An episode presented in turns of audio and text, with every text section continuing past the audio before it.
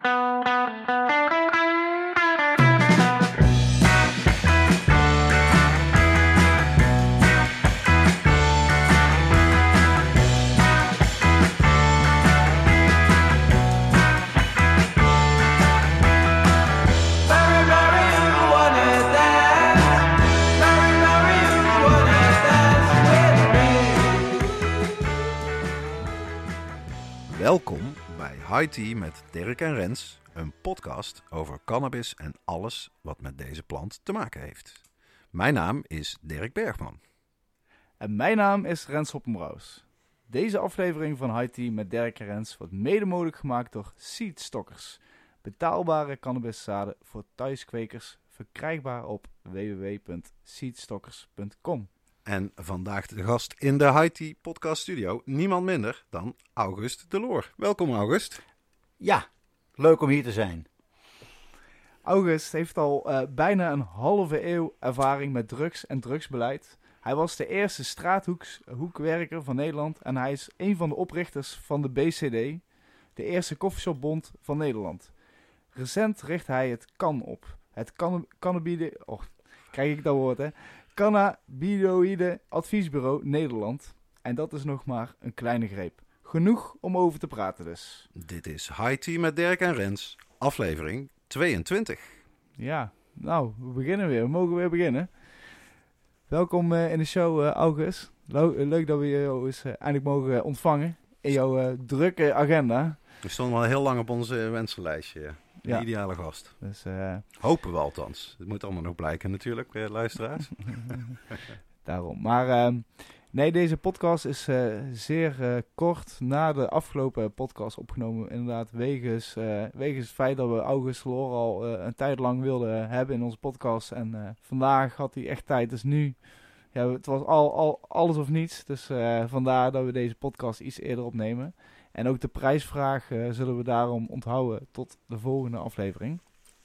Maar desalniettemin gaan we wel naar de allereerste rubriek.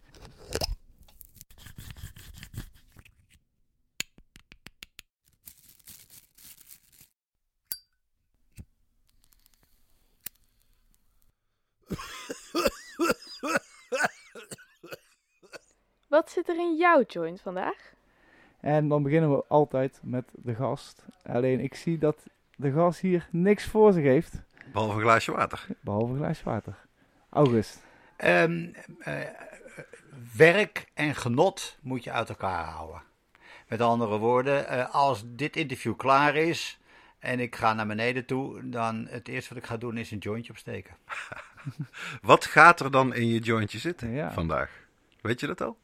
Nou, eh, ik heb niks bij me, dus eh, ik, ga, ik kijk eh, rechts naar mijn gastheer dat die heerlijke stuf heeft, Dirk. Ik denk En dat dan mag ik kan erop rekenen. vertrouwen dat ondanks dat de, de, de stuf niet in een laboratorium getest is, dat jij over zulke goede contacten beschikt, dat je biologische wiet hebt. Maar trouwens, mijn voorkeur ligt bij de Marokkaanse hash.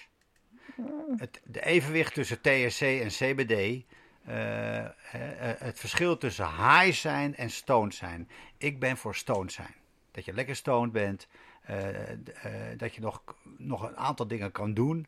Terwijl je high, dan is de piek en de down te, te- te hoog en te laag. En, eh, Oké, Maar daar gaan we het later over hebben. interessant. Dirk, wat zit er in jouw eh, joint vandaag? Ja, ik heb nog steeds de gelukkige beschikking over eh, samples van de High Life Cup eh, voor dit jaar, 2020. Eh, ik ben de D5 aan het roken, waarvan ik alleen maar weet dat het is ingestuurd in de categorie Haze on Hydro. Ja, dus eigenlijk precies die wiet die jij net beschrijft, August, waar je niet van houdt, die ben ik aan het roken. En ja, ik vind het wel lekker. Beetje babbelwiet, hè. Dus dat is goed voor de uitzending. Keeps Wat- you going. Wat heb jij erin zitten vandaag, Nou, Rens? Ik was een joint aan het draaien voor deze uitzending. Met nog een stukje hash van de, de hash special van Heb ik ook overwogen, ja. Ja, alleen ik besefte halverwege toen ik de joint aan het draaien was, dat ik dezelfde hash had gepakt als in die uitzending ook. Oké dan. Maar dat is ook wel een goed teken, omdat ik er al erg van hou. Het is de Al Kazim.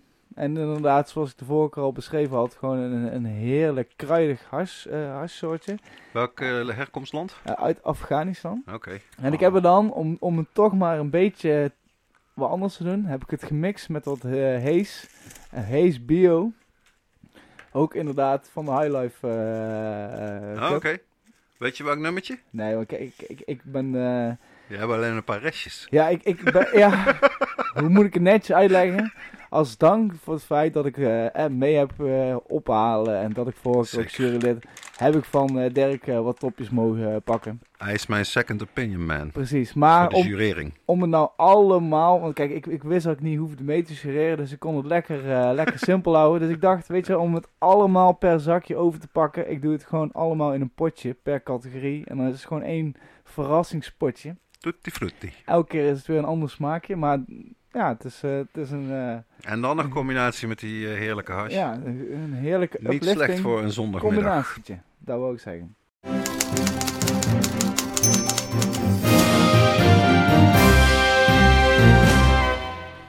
Voordat we uitgebreid gaan praten met onze gast, bespreken we twee nieuwtjes. Eh, Eigenlijk drie. Ja. Toch? Drie nieuwtjes. Een spectaculaire archeologische vondst in Israël. En een brief van de voorzitter van de commissie om narcotic drugs van de VN. En, Dirk, wat was de derde? Ja, eigenlijk goed nieuws uit Suriname. Eh, we hadden het er net eigenlijk al even over met de ouders. Je bent een aantal keer in Suriname geweest. hè? Ja. Nou, laten we daarmee beginnen gewoon. Ja. Bouta is weg, kunnen we toch concluderen. Hè? Ook al is de officiële uitkomst nog niet eh, Eh, het, vrijgegeven. feit, het feit dat de oppositiepartijen nu al een nieuwe regering eh, verklaring hebben gemaakt, kan Bouta niet meer terug. Eh, vechten, eh, dat, dat hij de verkiezingen ongeldig verklaart. Hij is echt eh kalt gesteld nu. Dus het enige wat hij nog kan doen is naar Cuba vluchten. Of ik hoop, net als in Zuid-Afrika, dat er een waarheidscommissie komt Ja. en dat, er, dat de kardinaal of wie dan ook hem geen gratie verleent. Maar, nou ja, want anders krijgen we toch een volksopstand in eh, als Bouterse opgepakt wordt en 20 jaar cel krijgt. Uh-huh. Wat de gerechtigheid is hoor, want Ja, ja, wat die man gedaan heeft is verschrikkelijk.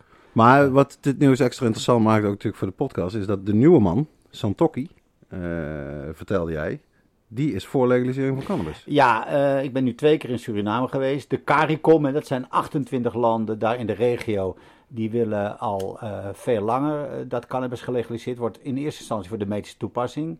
En eh, wat, wat goed is, is dat ook de partij van Bouterse was wel voor de legalisering van cannabis.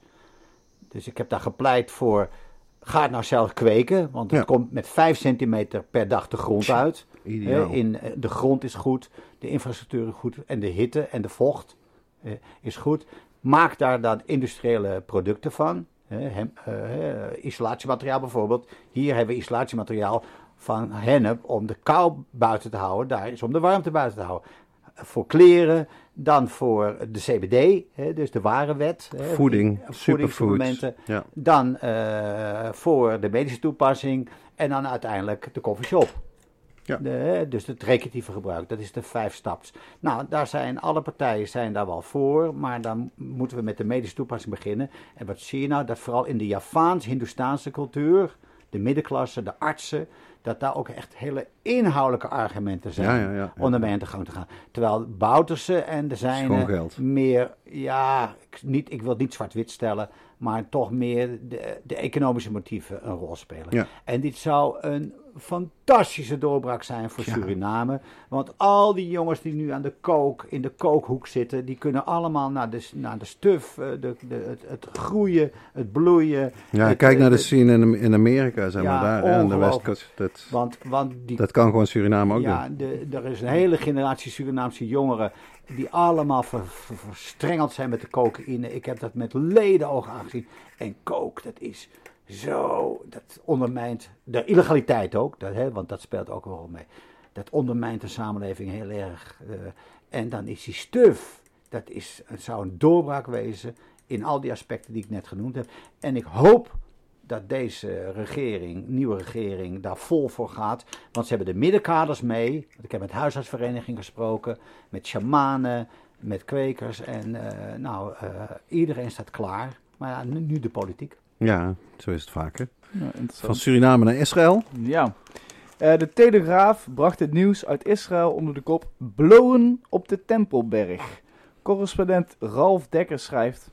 In den beginnen schiep God marihuana. Archeologen in Israël hebben ontdekt dat het Joodse volk bijna 3000 jaar geleden cannabis gebruikte tijdens hun religieuze ceremonies. Hoogstwaarschijnlijk om de gelovigen in extase te brengen. Ja, geweldig nieuws, wat ook ontzettend breed is opgepikt. De Telegraaf die had het, maar RTL Nieuws had het ook, CNN, BBC, eh, VRT had er een, eh, een mooi bericht over, wat feitelijker. Want de Telegraaf, ja, dat, die maken er natuurlijk toch een beetje altijd een rare show van, wat Ja. het nieuws ook is. Eh, de VRT die, heeft op de website een verhaal staan. Cannabis en wierook gevonden op altaren uit het Bijbelse Araat. En wat interessant is, die, eh, die vondst was, die is al 50 jaar geleden gedaan. Van die tempel en van die altaren. En ze wisten ook dat op twee van die altaren een soort eh, substantie eh, was achtergebleven, een residu. Maar ze hadden toen nog niet de, de techniek, zeg maar, om dat met zekerheid te constateren wat dat dan precies was. En dat is wat nu bekend is geworden. En dat zijn gewoon verbrande resten van cannabis, waar ook meerdere cannabinoïden in zijn aangetroffen, waaronder THC. En de VRT schrijft: De unieke bevindingen werpen een nieuw licht op de cultuspraktijken in het Bijbelse Juda. En doen veronderstellen dat cannabis opzettelijk gebruikt werd als psychoactieve stof. Een stof die invloed heeft op de werking van de hersenen. Om extase te stimuleren als onderdeel van de cultusceremoniën. Ja, eh, wij weten natuurlijk al langer dan vandaag dat in heel veel culturen het gebruik van cannabis niet honderden jaren, maar echt millennia teruggaat. En dat nu zelfs in het eh, heilige land eh, dit ook bewezen is. Eh, ik vond dat erg ja, leuk om te lezen. Mooi. Ik vind het fascinerend dat ook nou ja, toch het CDA. Hoe, hoe zou die op, hierop reageren? Natuurlijk? Dat gewoon al duizenden jaren geleden gebruikte de gelovigen al cannabis om dingen te, te vieren of om Ja. een bepaalde zen te komen of zo. Ik weet het ook niet. Nou ja, dat sluit natuurlijk aan bij eerdere vondsten. In China onder andere, waar ook in tempels eh, cannabisresten zijn gevonden. In Nederland notabene, bij de aanleg van de Hanselijn. Eh 2700 jaar oud, geloof ik. Dus deze vondst staat in die zin ook niet op zichzelf. Het zijn alleen maar steeds meer bewijzen dat eh, ja, de relatie van de mens met deze plant eh, al ontzettend oud is. Ja, zeer interessant. Maar zie jij dan de katholieke kerk eh, op basis van dit eh, naast de brood en de wijn ook een, een jointje aan te bieden eh, in het ceremonie van eh, de heilige mis? Dat zou Waarom niet? Ik denk dat de Zou- kerken dan een stuk voller zouden zitten dan op dit moment. Ja. en ook een stuk gezelliger Ja, en ook meer diepgang zou hebben. zonder meer. Ja. Nou ja, het is hier al vaker gememoreerd in de show. Ik heb, ben ooit een keer de toenmalige drugswoordvoerder van het CDA in de Tweede Kamer, Wim van der Kamp, tegengekomen in de trein. En ik denk, ik zie mijn kans Nou. gewoon om hem nou eens te vragen hoe het zit met het CDA en drugs. Dus ik vroeg het hem gewoon. Ik was ook lekker high. vroeg, waarom is het? Ik zei, mag ik u iets vragen, meneer van der Kamp? Nou, dat was prima. Ik kon even gaan zitten. En, eh, En hij is heel toenaderbaar. Hè? Absoluut, het is een aardige vent. Ja, nou Ja, meer als zeker, aardig. zonder meer. Meer ik, als aardig. ik vroeg hem waarom is het CDA nou zo erg Ja. tegen drugs? En toen zei hij, heel simpel, drugs zijn een concurrent van God. En daarmee had hij me eigenlijk ook stil, want ik denk, ja, dat is eerlijk. Ja. Dat is ook zo. Ja. En dat, lijkt me, dat, dat doet mij in ieder geval iets beter begrijpen waarom het CDA... Want je, dan heb je de kerk niet meer zo nodig, hè? Nee, nee. nee, maar dat is Wim van der Kamp. Eh, ik heb altijd Sleet, aanvaringen met Terwijl hij wel gay is. Ja, maar hij, eh, hij is, eh hij is straight. Ja, zonder meer. Maar dat wordt wel gedoogd eh, bij het CDA. Ja, niet zo lang, maar dat, eh, dat is helemaal, helemaal cool, ja. Oké. Zeker. Dan gaan we nog naar het laatste nieuws van vandaag. Nieuws over de drugscommissie van de Verenigde Naties. Hoe zit dat, eh, Dirk? Eh, ja, dat is dus de CND, de Commission on Narcotic Drugs. Dit is een verhaal wat niet al maanden, maar letterlijk al jaren eh, sleept. Er is een aanbeveling van de WHO, de Wereldgezondheidsorganisatie, die natuurlijk nu veel in het nieuws is met de corona. Die eigenlijk hebben gezegd, haal sowieso CBD uit de drugsverdragen. Want CBD heeft eigenlijk alleen maar positieve eh, eigenschappen en heeft helemaal geen risico. Dat hoort helemaal niet thuis in de drugsverdragen. Maar hij heeft eigenlijk ook als aanbeveling gedaan, kijk nou een keer opnieuw naar hoe cannabis in de internationale drugsverdragen staat. Is dat eigenlijk wel goed? Wij vinden van niet. Nou, eh, de internationale machinerie van de drugsoorlog eh, draait nog een stuk langzamer natuurlijk dan die op nationaal niveau. Dus daar gaan jaren overheen waarin activisten en NGO's bezig zijn om steeds weer, elk jaar komen ze bij elkaar, de CND in Wenen, eh, bij de Verenigde Naties daar. in mei. En daar zijn altijd demonstraties. Dat is nu al twintig jaar, denk ik, dat mensen daar steeds maar weer die boodschap brengen. Stop met die drugsoorlog, want het wordt alleen maar erger. Het wordt niet beter ervan. En dat leidt dan uiteindelijk tot dit soort formele niveau waarop er nu eindelijk besloten gaat worden, want dat is het nieuws. Er is een brief eigenlijk uitgelekt van het hoofd van die CND over wat ze gaan doen met dat advies. En daarin staat dat ze in december uiteindelijk een besluit gaan nemen over wat hun standpunt is en of inderdaad cannabis op een heel andere manier in de internationale drugsverdragen genoemd zal gaan worden. Wat natuurlijk internationaal enorme repercussies zou hebben en kan leiden tot wereldwijde legalisering. En dat verhaal dat staat op eh, Marijuana Biz Daily van Alfredo Pasqual. De link is te vinden natuurlijk onderaan deze aflevering. Eh, ja, zonder meer positief nieuws. Eh, ze hebben Martin Jelsma, onze landgenoot van Transnational Institute, TNI, geïnterviewd erover. Die ziet het ook als absoluut positief nieuws. Dat dit dus, dat gaat worden in de 63rd, de 63ste sessie in december 2020. En eh, ja, dat wordt dus heel spannend wat er dan eh, beslist gaat worden. In dat stuk staat er nog dat er drie topical meetings eh, gehouden zullen gaan worden die ex- exclusief toegankelijk zijn voor UN-members. Maar dat er daarna ook eentje komt die open is to all interested stakeholders, including accredited intergovernmental organizations en non-governmental organizations. En dat betekent dus dat clubs zoals Enkelt bijvoorbeeld, die al jarenlang zich inzetten hiervoor, dan ook een plaats aan de tafel hebben om in ieder geval daar hun eh, inbreng te geven. Dus al met al eh, positief nieuws. Hoe, hoe, hoe sta jij eigenlijk tegenover die, die kant van het hele drugsbeleid, de internationale VN-component en eh, hoe langzaam eigenlijk die machinerie werkt, August? Nou ja, kijk, ehm, de grote omslag is toch eh, voor een groot gedeelte in Amerika op gang gekomen. Hè? Ja. De, de, het land van de war on drugs. En eh, met name eh, de war on drugs die, die, die zich heeft ontwikkeld toen het communisme wegviel. Hè? Dan had Amerika is het land die altijd een vijand nodig heeft. Hè? Hun identiteit ontlenen ze aan hoe erger een vijand is, hoe, hoe, hoe beter wij zijn. Nou, de war on drugs voldoet, voldoet volkomen aan dat beeld. Eh, nou, dus als daar nu een omslag plaatsvindt, heeft het enorme domino-effect. Ehm, eh, ook dus naar zoiets als de Verenigde Naties. Maar denk je in die zin dat de VN ook helemaal niet zo relevant is? Dat, dat het veel belangrijker is dat Amerika om is als dat binnen de VN bijvoorbeeld zou worden gezegd, we gaan cannabis ik vind- legaliseren? nou, ik vind, kijk, groot gedeelte dat de legalisering in, VN in, de, in Amerika op gang is gekomen, is gewoon poen. Hmm. Ook Trump denkt gewoon in poen. Amerikaanse activisten die hebben mij al heel vroeg uitgelegd, het is echt 15 jaar geleden. Ze zeiden wat de verandering zal brengen is money and violence. Lekker kort, zo kunnen Ja. die Amerikanen het Ja. zeggen. En de money was duidelijk en de violence zei ze. Kijk, op dat moment, dus 15 jaar geleden, was het meeste drugsgeweld, zeiden ze nog, aan de, aan de zuidelijke kant van de grens. Ja. En zolang zeg maar, Mexicanen elkaar massaal afschieten, dat maakt de Amerikanen helemaal Nee. niks uit. Ja. Maar wat we nu zien gebeuren, is dat die moorden die komen over de grens. Ja. In de zuidelijke staten in Amerika worden ook mensen omgelegd vanwege wiet en noem het allemaal op.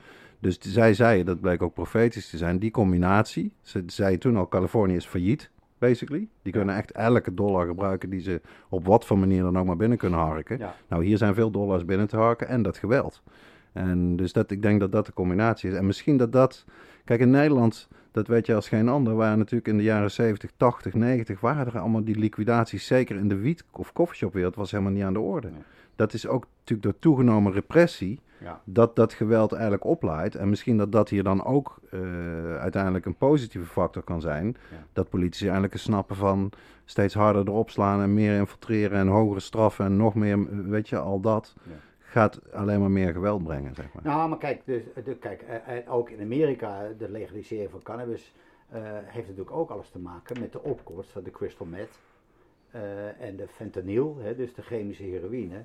Dat zo dat land geeselt, dat ze eigenlijk op hun manier het doen, maar dan veel radicaler als wat, wat we in de 70 jaren gedaan hebben in Nederland. Toen het heroïneprobleem toesloeg. Eigenlijk scheidingsbeleid. Het scheidingsbeleid. Eh, Maar je kan toch zeggen, daarvoor hadden ze crack, daarvoor hadden ze heroïne, hadden ze ook in Amerika. Daar zagen ze allemaal geen aanleiding in. Maar is- dat nou omdat er misschien nee, meer blanke mensen ook aan de fentanyl eh, zitten? nee, maar de crack staat in de zwarte gemeenschap. Ja, dus precies, Dat ja. is niet zo. Ja. Het, de crystal meth is een typisch wit fenomeen. En, eh, of typisch, ook in de. Nou, met andere woorden. Eh, maar dan terug naar de Verenigde Naties. Het belang dat de Verenigde Naties hier nu ook voortouw inneemt, is omdat eh, eh, de oorlog tegen drugs in heel veel derde wereldlanden, dat heeft te maken met dat drugs geassocieerd wordt met armoede. En dat je dan de loser bent. Eh, eh, dat, dat heeft ook gespeeld eh, in de eeuw van de voor, toen in Egypte met Mhm. de invloeden dat de cannabis ook drugs wordt geassocieerd met de arme man en we willen in de, in de, in de vaart der volkeren, Ja. dus we gaan het verbieden. Nou, dus in de Verenigde Naties, met heel veel derde wereldlanden, als daar de, de, de legalisering van cannabis op gang komt, En dat Dan is aan de, ook- aan de hand, hè? Ook ja, in Dan Afrika. wordt die doctrine, dat druggebruik, altijd niet geassocieerd wordt met genot en, en dat je daar je plezier in En hebt. zonde. Maar het is een zonde en het is een zonde uit dat, dat de onderklasse daarmee bezig is. En wij willen ons als middenklasse en hogere klasse verheffen erboven. Dat zie je dus ook bij socialisten. Ja. De blauwe knoop Ja. hè, tegen de alcohol, maar zeker eigenlijk ook tegen de drugs. Eigenlijk van een arbeider. Ja. Die moet arbeiden en zich verheffen en werken voor de partij. Ja. Maar niet lekker dronken, CQ high zijn. Want dat past niet in de klassenstrijd. Ja. Dus daar, daarvan zie je dat de Partij van de Arbeid ook, die, die tendensen die steken altijd weer de kop op. Het is een progressieve partij, maar eigenlijk vinden ze dat je het toch niet moet doen. Hè? Nee, eh, Hè? dus, Mensen als Ascher. dus de, de Verenigde Naties is heel belangrijk. Want de, de, eh, die derde wereldcultuur eh, van drugs met armoede worden geassocieerd. Hè? Wat natuurlijk in heel groot gedeelte ook het geval is, maar dat heeft met de rijk-arm tegenstellingen te maken. Ja. Eh, dat wordt hiermee doorbroken en dat zijn doorbraken. En dus Transnational Institute. Hè, eh, eh, Misschien moeten we Martin een keer uitnodigen hier, Ja. van TNI. Ja. Die, die zit altijd in de wandelgangen al decennia. Hè, Ja. Van al die conferenties en bij de VN. Ja, ik heb daar ook respect Nou, voor, want hij- je moet wel hij- geduld hebben en Dat is uithoudingsvermogen. ook mijn oproep naar hem. Hij moet ook meer, de, de, de- de- meer in- informatie uit het veld gebruiken. Ja. Het is een beetje vaak te, te steriel. Papieren, Ja, van eh, wat er werkelijk aan de gang is. Eh, nou, en dat vertegenwoordig ik, vind ik veel Ja. meer. Ja. De, de, de, de, de, de wetenschappers en de mensen uit de praktijk, laatste reken ik mezelf toe, die moeten veel meer verbonden slaan. En de wetenschappers hebben toch een beetje de neiging om de mensen uit de praktijk niet zo serieus te nemen. En dat is zonde, want je moet het samen doen. nou, zo'n prachtig bruggetje lijkt me. Hè? Einde van de, van de nieuws. Ja, zeker weten. We gaan eens even wat dieper in op eh August Loor zelf. Ehm, Oh, ik dacht dat, dat, dit, dat dit nu mijn inbreng was. Mm. eh. ja, we, gaan ook, we stoppen er ook mee. Dankjewel voor de uitzending. Ja, Nou, de luisteraars zijn ook benieuwd naar de, de, de persoon achter August de Loor. waar kan ik mijn reiskosten vergoeden? Bij onze secretaresse onderin, eh, bij de receptie, eh, kun je je bonnetje Oké, in. we gaan naar de gang. We gaan naar de gang. August, had jij ooit gedacht dat jij je hele leven bezig zou zijn met drugs en het drugsbeleid? Nou, mijn hele leven. Ik ben 71. Een En, klein deel. eh, en ik ben in, eh, in eh, de 60 jaren begonnen eh, in het clubhuiswerk in Amsterdam. En eh, wat Wat- zich. Wat echt een buurthuis was? Ja, een buurthuis. Ja. Eh, en de pijp was eh armoede, werkloosheid, huisjesmelkers. eh, nou, gewoon, je kan je dat niet meer voorstellen. Het is nu Ja. een juppenwijk geworden. Misstanden, Echt. sociale echt, alles. ellende. Toen ontmoette ik Jan Schever, de grote wethouder in de doorbraak van de woningbouw. Exactly. Ja, hè, eh, van eh, de, de, de, de, de, de, de politiek dacht in die tijd in Phoenixwijken, de Bijlmermeer, eh, de, de, de binnenstad van Amsterdam, de grachten zouden gedempt worden. Klopt, ja. De Jordaan zou platgegooid worden, daar zou een distributiecentrum komen. Vierbaanswegen door de Utrechtse straat. Ja. Eh, er is nog een restje van over bij het uh, Mozenarenkerk, hè, er is nog een tunnel. En, eh, en toen stond hij op van eh, de compacte stad. En ik zat in het clubhuiswerk en ik raakte gecharmeerd van, van dat, omdat ik in, eh, als, als, als, als jong broekie zag ik voor de eerste eh, zag ik de jeugdcultuur Ja. losbranden. Ja. Voor de eerste keer in de geschiedenis van de mensheid kreeg de jeugd een eigen stem.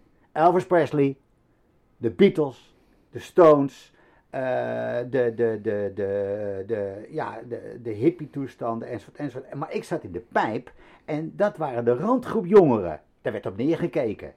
Van ja, de hippies had je en de randgroepjongeren. Ja. Maar die begonnen ook te socialiseren. Ook een eigen identiteit in uitgaan, in mode, in taal. Voor de eerste keer kreeg je een jeugdcultuur die los van de kerk en los van de staat Ja. een eigen ontwikkeling doormaakte. En dat pakte ik op.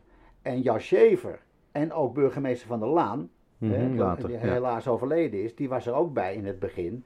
Hè, hebben werkgroep De Pijp opgericht als een signaal van we moeten inspelen op de moderne tijd. En dat deed ik met jeugdwerk. En toen kwam ik Koos Zwart tegen. Eh, en die had eh, Stichting Drugsinformatie opgericht. Klopt. Ja. En eh, dus ik zag als straathoekwerker, letterlijk en figuurlijk op straat, zag ik in het Vondelpark de stuf opkomen. Mhm. Het roken van de stuf, 60 jaren. Hè, met de bier, en op de dam. Hè. En ik zag in de pijp, zag ik de randgroep jongeren. En die gingen aan de speed. Ja. Die gingen aan, die gingen, die, die, hè, want eh, ja, daar keek iedereen op neer. Hè, terwijl, terwijl ik veel solidairder was met hun. Nou, daar is mijn carrière begonnen met eh, de, de, de jeugd, de zelfstandige jeugdcultuur, die eigen keuzes ging maken. Dus ook een drugscultuur ontstond, beginnende bij het blowen van stuf. En eigenlijk was jij dus al vanaf het begin, kan je zeggen, een soort eh, eh, tussenstuk, als het ware. Tussen zeg maar, het stadhuis, de ambtenaren en de politieke bestuur daar. En gewoon de straat, om door te geven, dit is wat op straat gebeurt. En daarmee kan je, zeg maar, eh, beleid beïnvloeden. Of was het in het begin allemaal nog niet aan de Nou, orde? nee, Dirk, precies andersom. Ik bracht de straat Mhm. naar de politiek. Eh, van, eh, eh, ja, met, met de stuf gingen we stuf verzamelen om te laten analyseren. Ja, dat was ook heel erg Koos' missie, hè? Om te, Ja. te testen, te weten wat er te Ja. kopen is, wat het kost. Met zijn beursberichten. Precies. Hij begon met de beursberichten op de Varen Radio, maar hij had natuurlijk die monsters nodig. Nou, daar zorgde ik onder andere voor. Straatwerk, ja, dat zegt het letterlijk. Dus, eh, en... eh, Ja, wat legt dat begrip eventjes Ja, uit voor de jonge luisteraar? vind ik ook wel Het, interessant. het is een typisch jaren 70 woord ook volgens mij. Straathoekwerken, misschien tot in de jaren 80. Maar wat... het, het, Jij was de allereerste toch die die functie Ja, had? Ja. ja. Eh, het komt uit Amerika en het is eigenlijk de naamloze een stem geven. Jongeren die eh, overal uitgekakt werden, hè?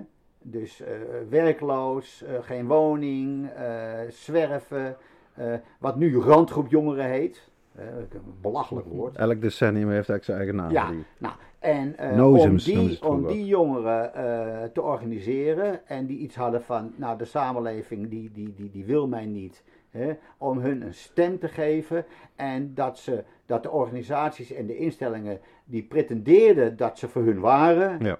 eh, die deur open te rammen. Dus Ja. ik was geen hulpverlener, ik verbond. Ja. Hè, en ik gaf de jongeren een stem. Dus eh, om het dan bij cannabis te houden, eh, dat, als je het blode, dan werd je opgepakt. En dan kwam je bij de Jelinek terecht. En voor de rechter. En dan kreeg je een IBS, een inbewaringstelling. Zes weken lang werd je door de Jelinek, nou eigenlijk verplicht afkicken. Hè, nou, dat, dat, dat was is toch niet meer voor te stellen eigenlijk? Ja, is niet voor te stellen. Heftig, Nou, ja. En eh, eh, da- daar kwamen we voorop. In hè. Zweden doen ze het eigenlijk nog zo, heb ik het idee een beetje. Eh, Ja, ja, oké. Nou, dus eh, ja, op het Remmelsplein, nee, op het Leidseplein had je, had je het huis van bewaring. Nou, daar zaten die, daar zaten die kids in. Van Wat nu de 18 Bulldog is, hè? eh, toch? Nee, nee, nee, naast Paradiso. Oh, oké. Eh, Ah, ja, ja, ja. Oké, nou, eh, om, om Paradiso te noemen. Dus het open jongerenwerk ontstond. Ja. En daar heb ik ook hele belangrijke rol in gespeeld, al zeg ik het zelf. Nou, want ik denk, dat moest ik net al aan denken toen jij omschreef, die jongerencultuur die komt op eigenlijk voor het eerst in de geschiedenis. Dat gebeurt ook internationaal. Ja. Maar mijn idee is dat Amsterdam daar ook nog een soort voorloper CQ-laboratorium is, waar die dingen sowieso eerder misschien gebeurden, maar zeker eerder in een soort beleid werden eh, omgezet ook. Dat, dat in ieder geval... Ja, da- en dat was het open jongerenwerk. Ja. Kijk, de, de, de traditionele clubhuizen, waar de jongeren terecht konden, die stonden onder invloed van de kerk. Ja, precies, was nog Eh, de verzeld. protestantenkerk, de humanisten, hè, want dat was dus geen... En, eh, nou, dat, en de socialisten ja, natuurlijk. Ja. En dat brak allemaal af. Ja. Die werden allemaal dichtgegooid, omdat die jongeren een eigen stem eh, gaven. Nou, dat, eh, dat kon niet naast de klaverjasvereniging. En, van, dat, dus, eh, en toen zijn we met open jongerenwerk begonnen. En daar was Paradie, hè, we hebben Paradiso gekraakt, heb ik ook nog aan meegewerkt. Als straatwerker, Paradiso kraken, waar de jongeren eh, naartoe konden met hun eigen muziek. De Stones, Ja. wa- wa- wa- wat draaide er allemaal? Eh, we hebben daar festivals gegeven, nou ja, achteraf het, het allemaal net goed allemaal ging. Dat er geen Nou, doden zijn gevallen, zo ja, amper. Ja, ongelooflijk.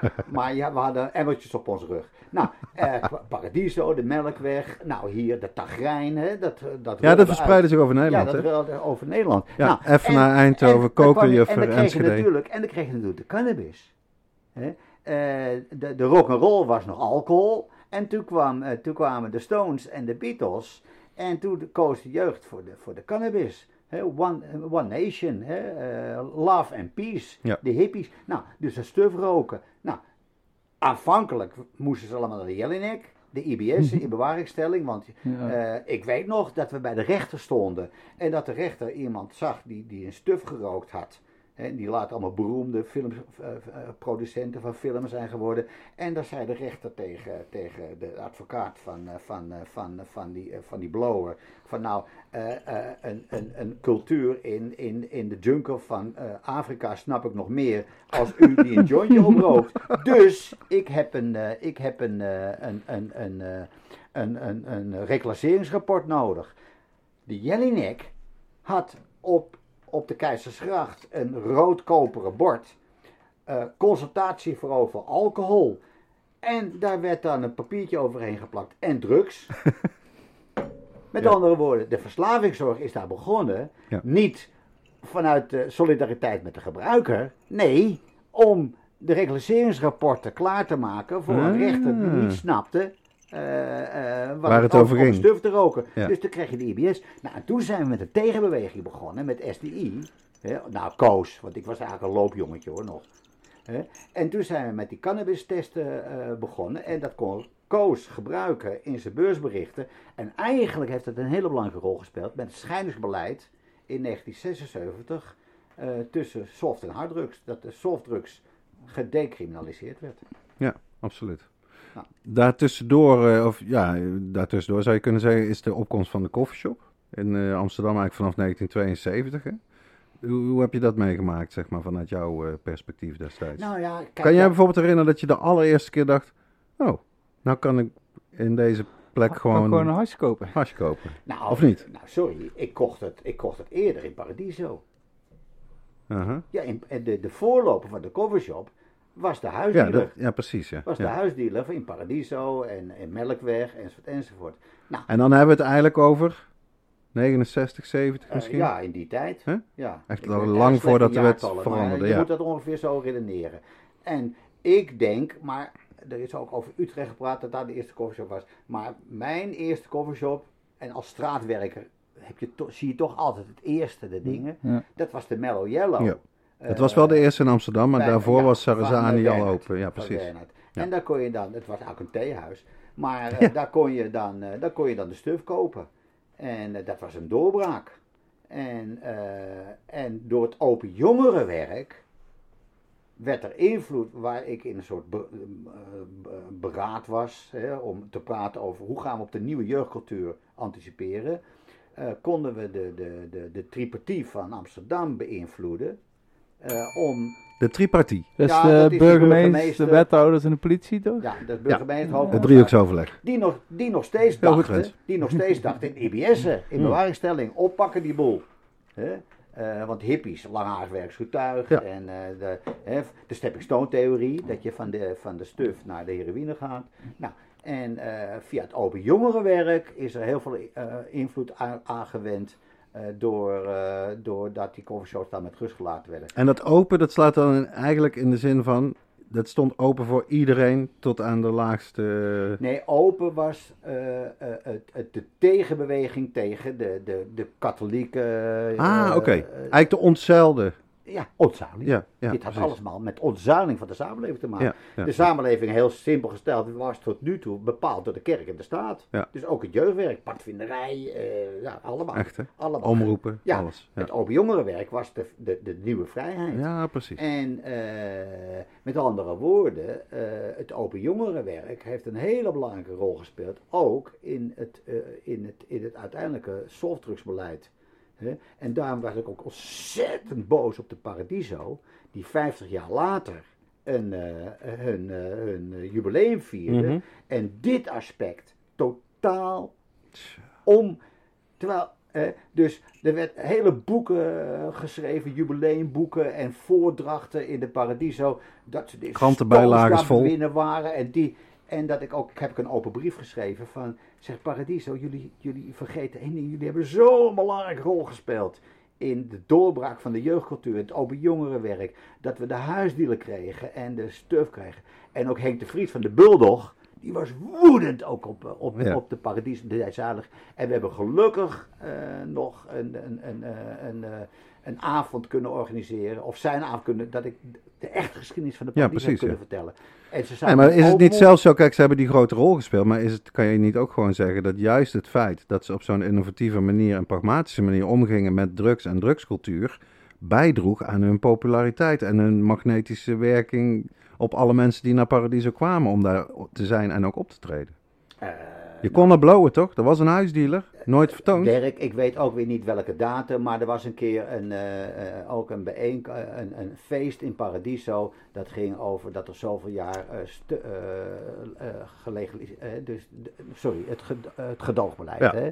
Nou, en eh, dus toen was ik, op dat moment was ik secretaris van de Junkiebond. Want, eh, want de heroïne kwam ook op in de 70 Uh-huh. jaren, maar daarover straks misschien. En eh, toen eh, de Simon Vinkenogen en al de, de, de, de, de, grote mannen uit de cannabiswereld traden daarop. Ja. Van kijk als ons progressief zijn en, en god, en dat is ook zo. En wij van de Junkiebond gooiden met vliegtuigjes gevouwen jointjes naar beneden toe. Van ja, maar nou wij eh, de doorbraak van eh, het, het, het, de, de, de eerste stappen van het legaliseren van cannabis hè, in de coffeeshops is ten koste gegaan van het harder optreden Klopt. tegen harddrugs. Ja. Hè? Dus het knokken voor medisch, onder medisch verstrekken van heroïne en dat de spuitenruil komt en, en dat ook het heroïnegebruik gedecriminaliseerd wordt, heeft, is precies dezelfde strijd als eh, het scheidingsbeleid tussen soft en harddrugs. En wat was mooi, eh, Simon Vinkoog was aan het voordragen, een waanzinnige man.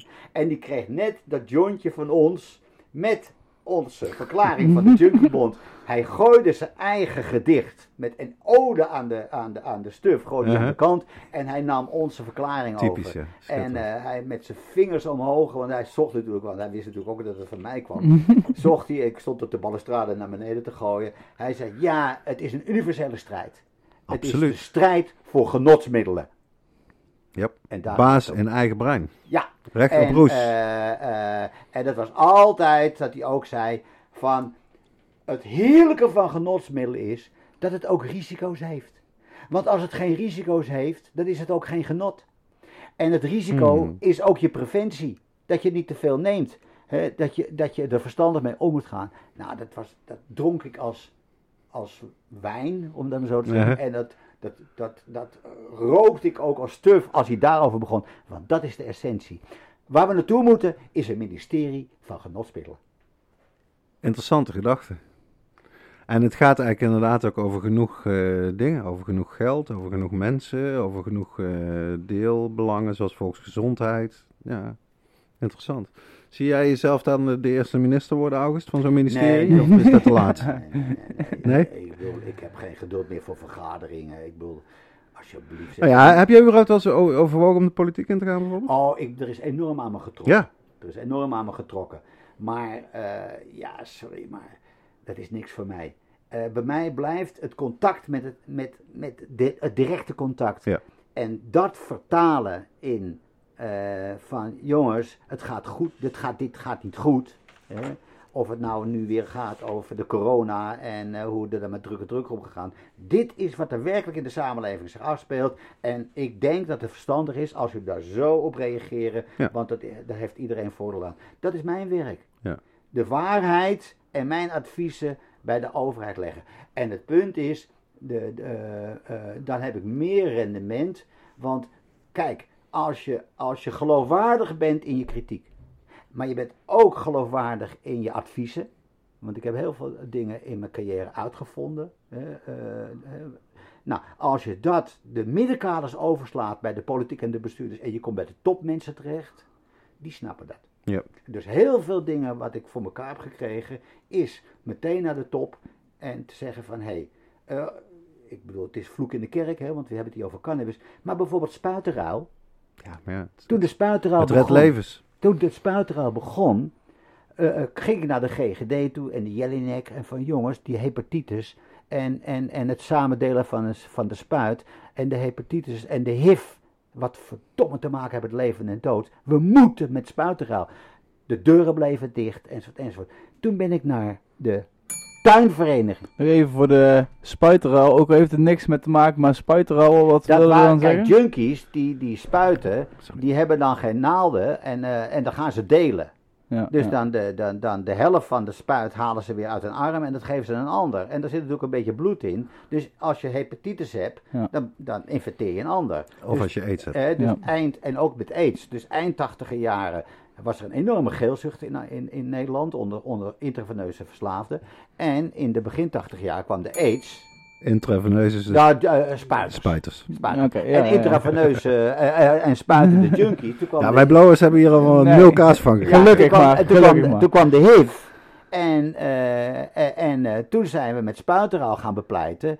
En om het voor me, ik kreeg het pas voor elkaar door de huismoedervereniging van de binnenstad van Amsterdam. Die ging ook mee naar de wethouder. Want die zeiden van dat is de enige manier dat ook de spuit uit de zandbakken verdwenen. Ja, precies. Zo, En, ja. en dan heb je draagvlak.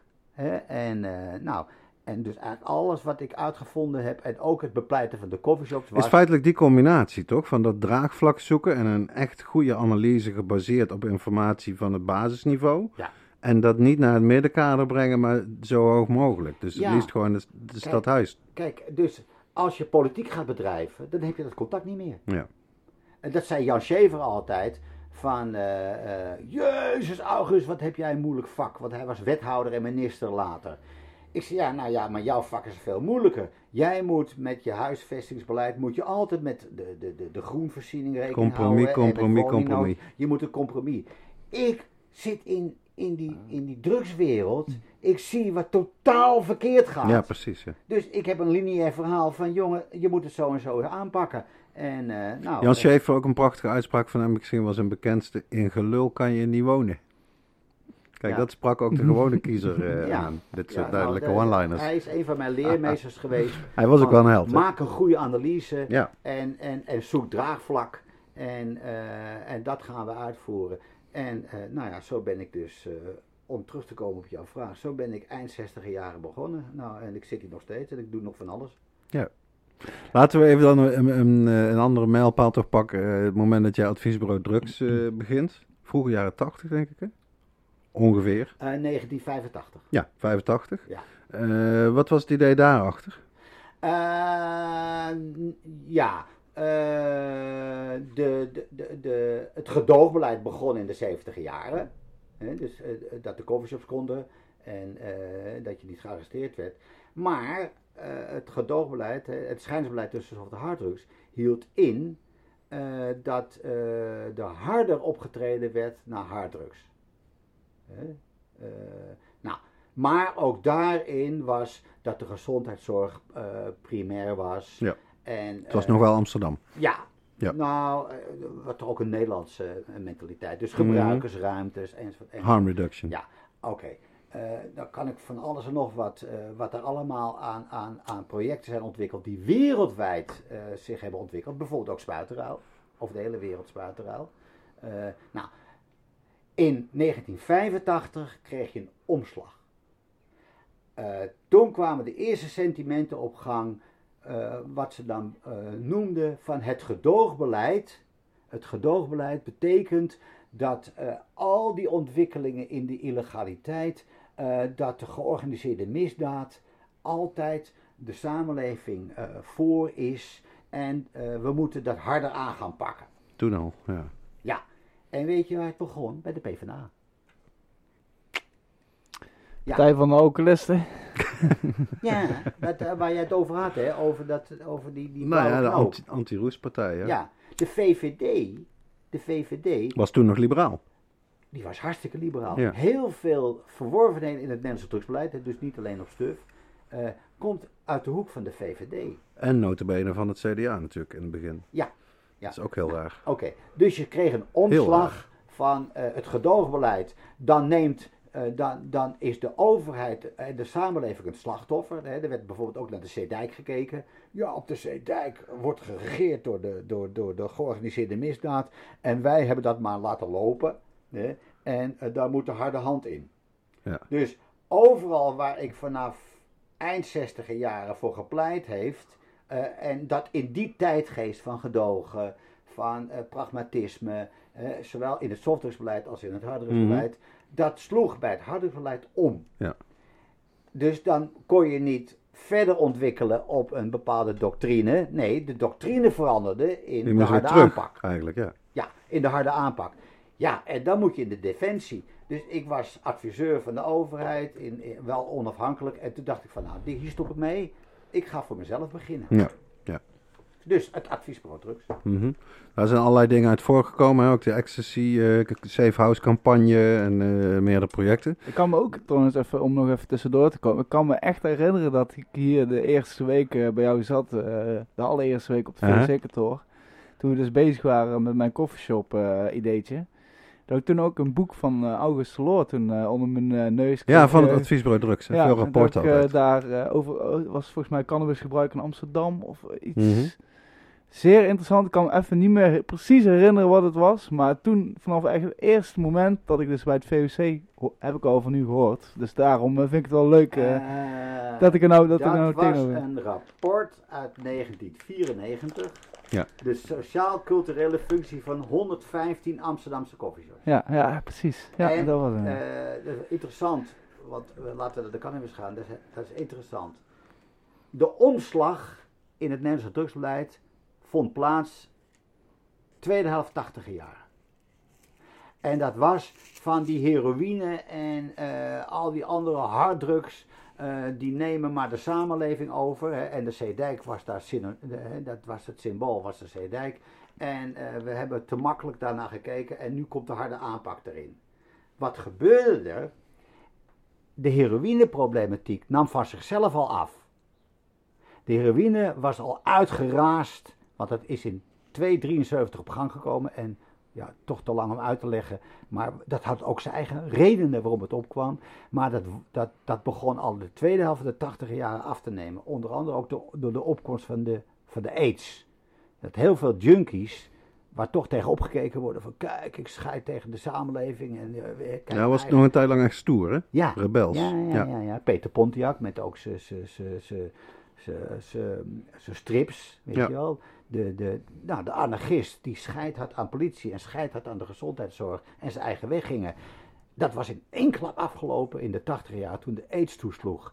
En dat zag je ook bij de Surinaamse jongeren van de tweede generatie. Je zag overal het besef doordringen, dit niet. Ja. Dit niet. En daar heeft de hulpverlening er ook al wel een beetje aan bijgedragen. Hè. Maar dat was een omslag. Maar de overheid dichtte dat zichzelf toe. Dat komt door onze harde aanpak. en dus eind 80 jaren, begin 90 jaren, was dus het heroïneprobleem nam heel erg af. En wat gebeurde er toen? Achter de wiet aan. Toen hadden ze een nieuwe vijand nodig. En dat werden de coffeeshops. Het is ongelooflijk dat in, twee, eh, in 91, 92, 93 dat eh, politie en justitie begon te vertellen over eh, dat de opkomst van de nederwiet, dat de TSC begon te stijgen en dat was levensgevaarlijk, want het is ook een harddruk. Jaap de Vlieger van de Rotterdamse politie haalde de voorpagina van de Telegraaf. Heeft tot op de dag van vandaag invloed, denk Ja, ik wel eens. Ja. Eh, met andere woorden, we hebben het heroïnespook eh, verslagen en we gaan nu ons richten op de coffeeshops. En wie gaf de voeding? Dat noem ik het twee sporenbeleid, politie en justitie. Eh, de coffeeshops, dat zijn eh smeltkroesen van eh, illegale activiteiten. Eh, daar zitten, eh, daar zitten, daar zitten eh, Randgroep jongeren. Ra- Ja, van alles en nog wat. Langharig werkvoertuig. De nederwiet komt op gang. En eh, dat is alleen maar veel sterker dan de, Ja. de buitenlandse stuf. Terwijl het, het was een inhaalslag. Een broeinest voor criminelen. Ja, ja, ja. ja. De Jelinek, de Jelinek eh, die begon te vertellen dat er weer een nieuwe heroïnegolf in aantocht was via de coffeeshops. Zo. Ja, dat waren krantartikelen tot in de Volkskrant aan toe in, in eh, juni 92. En wat gebeurde er? Dat eh, in november, december 92 massale politieacties Ja. in de Amsterdamse coffeeshops. Hoe heette die actie ook weer? Als een operatie Huppelpup, Ja, toch? dat weet ik niet. Maar, Hmm. eh, nou, wat gebeurde nog, er? Wat gebeurde er? Met mijn adviesbureau zagen wij dit met ledenoog aan. Arrestantenbussen, helikopters. Amerika In het is de klein. war on drugs was neergestreken in Nederland, in mijn eigen Amsterdam. En massale politieacties, arrestanten in, in, eh, werden afgevoerd, gewoon blowers in coffeeshops enzovoort. enzovoort. En kranten vol, vuurwerk, wapens gevonden, eh, heroïne gevonden in de coffeeshops. Dus ik had zoiets van, jezus mina, het, het gedoogbeleid en het schijnsbeleid, ja, als dit er buiten is, Staat op het spel. Ja. als dit, als dit dan, he- dan is het gedoogbeleid altijd een vars geweest. Dus wij zijn toen op onderzoek uitgegaan met mijn vrijwilligers. En wat ontdekten we? Dat de 22 coffeeshops die genoemd werden in de Telegraaf in de Dapperbuurt. De 25 coffeeshops die genoemd werden in de, bijl- in, in, in de Pijp. Hè, wat dan van een paar weken later. Weet je wat het soms bleek? Turkse slagerijen hadden ze ingevallen. Ja, ja. Eh, Turkse koffiehuizen. Eh, privéadressen. Maar noem het gewoon allemaal coffeeshop. Dat is lekker eh, overzichtelijk. Ja. Ja. Ja. Zo. Nou, dus dat, sommige dingen van de heroïnefonds, nou, dat had wel zijn verklaring. Ja. Weet je wel, want de- de- ondertussen was eind 70 jaren, was de, de, de Afghaanse heroïne eh, in Turkse heroïne veranderd. Mhm. Nee, dus trouwens de Gouden Driehoek heroïne. Hè, dus de Turken zaten daarin, in die handel. Nou, met dat, maar dat werd allemaal op de koffieshop toegedicht. Dus de, de stad ontplofte om die koffieshop dicht te gooien Ja. in de politiek. Nou, en toen hebben we dat rapport geschreven. Nee, ik heb een open brief geschreven in het parool en naar de, naar, naar, naar de gemeenteraad gestuurd van, is de politie dom dat ze geen verschil weten tussen Turkse Ja. koffiehuizen en, of is het een vooropgezette bedoeling? En die open brief heeft geleid dat de belangrijke voorman van de PvdA opstond, Annemarie Grevel, Mhm. Hè? En die stond op en die zei tegen de burgemeester: Hier klopt er iets niet. En dat heeft ertoe geleid dat er een commissie kwam, Amsterdamse softdrug strategiecommissie, eh waarin het coffeeshopbeleid eh, verder ontwikkeld moet worden. Dus door mijn open brief stopten de politieacties. Er werd, er werd eh, nagedacht van, hé, hey, waar komt deze vooropgezette bedoeling vandaan? En dat heeft geleid tot een commissie eh, en die heeft 24 aanbevelingen gegeven in, in 94 en, één, en, en toen zei Ma- Annemarie Grevel, August, de coffeeshopwereld moet een stem hebben in die commissie. Ja, precies. En toen ben ik coffeeshop-eigenaren bij elkaar gaan halen, zoals de Bulldog en Wernard. En dat heeft geleid tot de oprichting van de Coffeeshopbond. En die kregen een stem. De BCD, hè? Ja. Ja, de BCD. En die kregen een stem in die commissie. En er kwamen 24 aanbevelingen uit, waarvan één, legaliseren. Hè, maar ook eh, een goed netwerk van kleinschalige coffeeshops over de stad, over heel Nederland. Ja. Hè, dus weg met het nul-optiebeleid.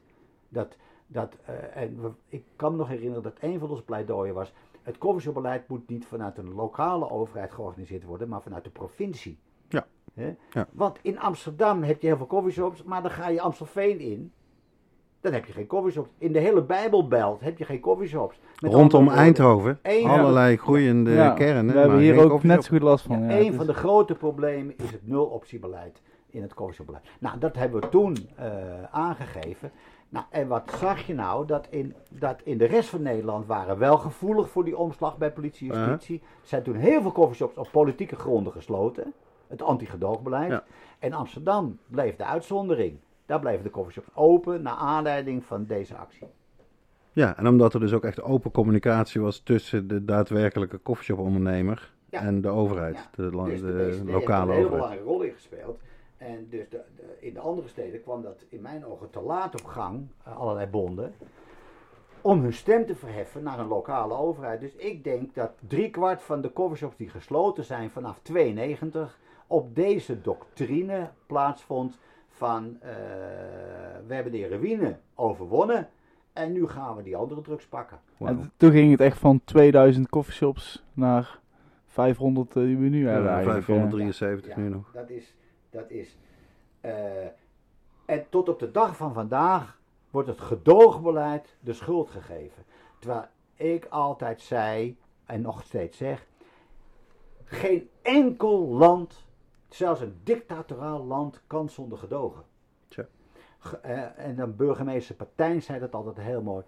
August, gedogen is het smeermiddel tussen een wet en een praktijk. Ja. De praktijk in de samenleving loopt altijd voor de wet uit. Want als de wet voor de praktijk uitloopt, heb je dictatuur. Ja. Dus een democratie heeft een gedogen nodig om te wennen aan een nieuwe ontwikkeling. Maar daar zit al meteen in dat dat dus een beperkte tijd moet. Gedogen, En niet niet anders. 45 jaar. Gedogen, vier jaar en niet langer. Ja, en dan omzetten in wetgeving. En wat doet de politiek tot op de dag van vandaag? Ze geven het gedogen de schuld. Ja. En dan verwijzen ze naar Enschede met de vuurwerkramp. Ze verwijzen naar Volendam met die verschrikkelijke. eh, Mhm, maar brand, dat ja. is een lakse overheid. Een overheid die zijn eigen regels niet nakomt. Gedogen Is wat is anders. juist enorm je regels in de gaten houden. Maar omdat de internationale wetgeving, waar we ook over begonnen, de UN, de vereniging moet nog steeds. Gedogen is het smeermiddel tussen kunnen besturen en een wet die altijd later daarop aangepast moet worden. Want als je dat omdraait, heb je een dictatuur. En Partijn, toen hij overleed, een- twee weken voordat hij overleed, kwam hij nog op mijn adviesbureau. Hij zei, August, eh, jij bent een van de, van, de, van de uitvoerders van het gedogen. Wil jij niet een oproep doen, eh, een commissie gedeugcultuur? Mhm. En toen hij overlijdt, heb ik geprobeerd om nog een speech bij zijn graf te krijgen, maar dat is me niet gelukt. En ik heb al Hij begreep het heel goed, hè? Wat? Het gedoogbeleid en het drugsbeleid, toch? Ja, Van der Laan. nee, Partijn. Of Partijn. Partijn was, Hmm. eh, nee, eh, eh, Maar ja, Van der Laan toch ook wel? Ja, ja, ja, ja, ja, ja. Ik heb heel, heel goed samengewerkt Ja. met Van der. Eh, maar hij heeft toch ook eh, met opstelt het verkeerd aangepakt. Dat vind ik dan nog wel interessant. Hij heeft afgeruild in feite, hè? Geen wietpas. Vertel eens. ik denk niet dat alle luisteraars weten hoe dat gelopen is. Nou ja, kijk, eh, wat, wat, wat is het? Eh, jaren geleden weer in, die, in diezelfde. eh, dat de drugswereld de samenleving overnemen. Hè? Dus de georganiseerde Dat misdaad. frame, ja. Ik, ik praat altijd over ongeorganiseerde drugsmisdaad. 80% van de, van, van, de, van de misdaad. De misdaad is gewoon omdat de wet achter de feiten aanloopt. Ja. Dan krijg je misdaad. Ik bedoel, eh, iedere filosoof zegt van. Als er een maatschappelijke behoefte is, is het de politiek die, daar, die dat moet regelen. Ja. Zolang de politiek dat niet regelt, krijg je misdaad. Ja. Eh, Dat zie je ook al bij de palingoproer.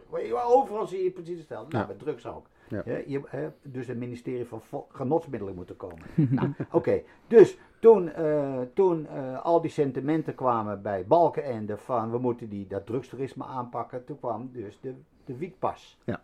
En de wietpas was het ingezette criterium en, eh, en het clubcriterium. en het clubcriterium. Nou, en dat clubcriterium, dat was in no time werd dat om zeep geholpen. Dat dat onuitvoerbaar was. enzovoort. Niemand Toen- kwam meer naar de shop namelijk. ja, nou, toen Ja. bleef de wietpas over. En toen zeiden ze nou, onder de grote rivieren gaan we het invoeren en boven de grote rivieren. Als je goed naar de wet kijkt, ik was er hartstikke tegen, maar als je goed naar de wet kijkt, was dat dat het fasegewijs ingevoerd zou worden. Mhm. Hè? En dat er nog geëvalueerd zou worden, enzovoort, enzovoort. Nou, dus toen, eh, toen eh, eh, Van der Laan zat met, ehm, met, met het aantal coffeeshops, enzovoort, enzovoort, begon Opstelten hem onder druk te zetten van ja, jij hebt een derde van de coffeeshops van heel Nederland. Dus ik legde Van der Laan uit, ja, een derde van de coffeeshop van Nederland is niet het resultaat van eh, dat jij er te veel hebt. Nee, het is het resultaat dat de afgelopen 50 jaar veel te veel gesloten zijn in de rest van Nederland. Uiteraard. Hoor mijn verhaal vanaf 1992. Ja. Nou, ten tweede, eh, eh, de druk dat jij ook de wietpas moet invoeren is te prematuur. Want het moet eerst nog door de Tweede Kamer met de evaluatie van onder de grote rivieren. Met andere woorden, je moet tegen Opstelten zeggen, want die wou ook dat Amsterdam zich eraan moest houden. Van zeg Opstelten, je moet naar je eigen wet kijken. Hè, en naar je eigen democratische besluitvorming. Eh, eerst die evaluatie en dan, krijg, dan komen we later wel aan de boord. Maar hij ging door de knieën. Hij ging mee. Te prematuur. Ja. Te prematuur. En toen kon hij geen kant meer op om te gaan sluiten. Om, om, om een hele hoop, er zijn 40, 45 coffeeshops gesloten in, in Amsterdam. In ruil waarvoor dus de wietpas dan in Amsterdam niet per se En daar gebruikte... hoefde te worden gehandhaafd. Project 1218 of zo? eh? Nee, 10, 12. nee, nee, 10, 12. 10, 12. Nee, nee, de scholenafstand. De scholenafstand precies, was de ja. uitruil. Ja. En dat betekende bijvoorbeeld dat er een... Dat er een dat er De een- scholenafstand? Ja, dat was de scholenafstand. Nou, criterium. Ja, wat gebeurde er nou? Wat gebeurde er nou? Heel, eh, bijvoorbeeld een kappersopleiding. Ja. Ja. Een kappersopleiding waar één keer in de week 18 plus eh, een paar uurtjes kwamen knippen. Voor de deur eh, was de tramhalte. Die ene kant ging niet naar de Bijlmer en de andere kant ging hij naar Amsterdam West. Want daar kwamen meestal de cursisten vandaan. En om de hoek 241 meter verder, dus 9 meter binnen de 250 meter, zat Mellow Yellow. Een van de oudste Ja. van Nederland. En de Yellow... Vijzelstraat, hè? Uh, de Vijverstraat, ja. En de Mellow Yellow had nog iets anders. Uh, omdat er al heel veel discussie was dat er te veel coffeeshops in het echte centrum waren, zei ik iedere keer tegen, uh, tegen Van der Laan van nou, de Mellow Yellow vangt al heel veel op. Absoluut. Ja. Wat anders op het Leidseplein en de Rembersplein. Dus ook uit, uit strategische overwegingen moet je, de, moet je Mellow Yellow openlaten. Met andere woorden, ik had enorme aanvaringen van, met Van der Laan. Dat hij eh, te vroeg in onderhandelingen ging met opstelten en de scholenafstand eh erin bracht. Van nou, dat ga ik dan maar uitvoeren eh, om de wietpas weg te houden. Terwijl ik zeg, jongen, eh, eh, opstelten hoeft helemaal niet met dit punt te komen. Hij moet, want hij moet eerst nog zijn eigen huiswerk maken. Dat geeft aan, Tragisch. tot op de dag van vandaag, dat uiteindelijk het koffieshopbeleid, of het nou bij linkse of bij rechtse politici, altijd door de waan van de dag bepaald wordt. Maar eh, August, hoe ziet dan jouw ideale drugsbeleid eruit? Drugs of cannabis? Of eh, ja, laten we het over cannabis dan houden. Ja, drugs meteen wel heel breed. bij Ja, zo het kunnen. Eh, op basis van dat na alcohol cannabis het meest populaire genotsmiddel is, dat je het gewoon door de week kan gebruiken. Hè, Heel veel uitgaansdrugs als ecstasy, dat doe je alleen maar als je even uit je dak wil. Cannabis heeft een typische eigenschap. Je kan een jointje bij roken, je kan een halve jointje bij roken, hè, na je werk, eh, op weg naar huis toe. Het is een door de weeks genotsmiddel heel anders in werking als alcohol, maar het heeft wel dezelfde functie. Alcohol Vaak is ook wel, ja, je absoluut. opkikkertje, je af. Hè? Als mijn vader had de smederij. De tractatie. Ja, Ja. eh, je, dan kwam je thuis van je stress van je werk en me- daar stond de oude jenever voor mijn vader klaar. En mijn moeder ging ernaast zitten met een citroentje met suiker. Nou, dat, die functie hebben cafés nog. Die functie hebben, die, hebben, die heeft alcohol nog. En als je te veel zuipt, ja, dan moet je naar de Jelinek. En zo zit het. Eh, of je wordt door de bartender word je, eh, eh, op je vingers getikt van hey, en dan wordt er nog een taxi voor je besteld. Hè, dat is gebruik, genot met elkaar. Cannabis heeft precies dezelfde functie. Koffie Ja. hebben precies dezelfde functie. Met andere woorden, erken cannabis als een populair genotsmiddel. Eh, regel dan dat een goed netwerk van kleinschalige coffeeshops over Nederland verspreid die functie kunnen, kunnen organiseren. Waar je binnen kan komen om te kopen. En waar je nog kan, kan, je, kan je blowen met elkaar, met je gelijkgestemden. En dan kan je, naar, dan kan je in Rotterdam eh, kan je dan naar Feyenoord kijken. En je kan op Ajax afgeven en niet bij PSV. Hè, want dat zit niet verderop. Nou, met andere woorden, het is een volksgenotsmiddel. En de koffieshop is de cafésluiterij voor cannabis. En dat moet, dat moet gewoon goed geregeld zijn in de horecawetgeving. Hè. En dat moet ge, ge- aangestuurd worden door het ministerie van Genotsmiddelen. En dan moet wel uitgelegd worden van jongens, ieder genotsmiddel heeft zijn eigen risico. Dus eh, goed getraind personeel die jou in de gaten houden, ge- gecontroleerde stuf. Dus niet met dit experiment, want dit experiment is een ramp wat eh, van de gesloten keten. Hè. Eh, dat, eh, eh, dat je goede soorten hebt van, net als met bier, wijn en gedestilleerd, dat je stuf hebt met heel veel THC, CBD in de, in, in, in, op het bierniveau. Wijn is wat meer. En dan heb je de, de, de, de hoge en daar zit wat meer THC in. Oh, ik zeg het even zwart-wit. Mhm. Nou, ook dat gecategoriseerd. De drie soorten cannabis, la net als eh, waar alcohol in, in, in met de percentages ingeregeld is. Goede voorlichting erbij, etiketjes erbij.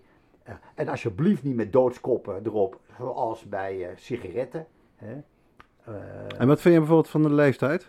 In Amerika is het vaak 21. Je hoort ook 19. Het was 16 in Nederland toen ik 16 was. Het is nu 18. Wat, denk je dat ideaal is ja, voor de dan komt mijn koffieshop? oude straatwerk om de hoek kijken. Ja, ik zie die kids experimenteren met 16, 17 jaar. Ze beginnen niet Ja. als ze 18 zijn. Ze beginnen gewoon eerder in de Ja, praktijk. ja, al die verhalen voor 12 is onzin. Ja. Dat is allemaal onzin. Eh, Trouwens, weet je, weet je, als ze 12-jarigen zijn, weet je waar ze vandaan komen? Dan komen ze uit de PC Hoofdstraat, hè? Uit de betere milieus. Ja. Dat is, weet je, want daar zit het, het, het experimeergedrag hoger in. De, de, de, de randgroep jongeren, en waar altijd naar op afgezeikt wordt door de, door de Mhm. politiek, die jongeren in die achterbuurten, die zijn vaak veel conservatiever. Ja. Ook in druggebruik. Ja. Nou, oké, even. Nou, dus de coffeeshop als onderdeel van een lokaal horecabeleid, weg uit het drugsbeleid, goede, dat de stuf goed, eh goede soorten hebben, net als met je alcohol. Hè. Ik bedoel, in de 50 jaar had je Heineken. Je had de wijn uit Frankrijk en je, en je had de Bols en Jenever. En nu dat heb was het dan. ja, en nu heb je alle soorten uit de hele wereld. Uit, nou, dat Ja, moet je met prima. stuf ook hebben. Ja. Daarom dit experiment met alleen maar Nederlandse stuf.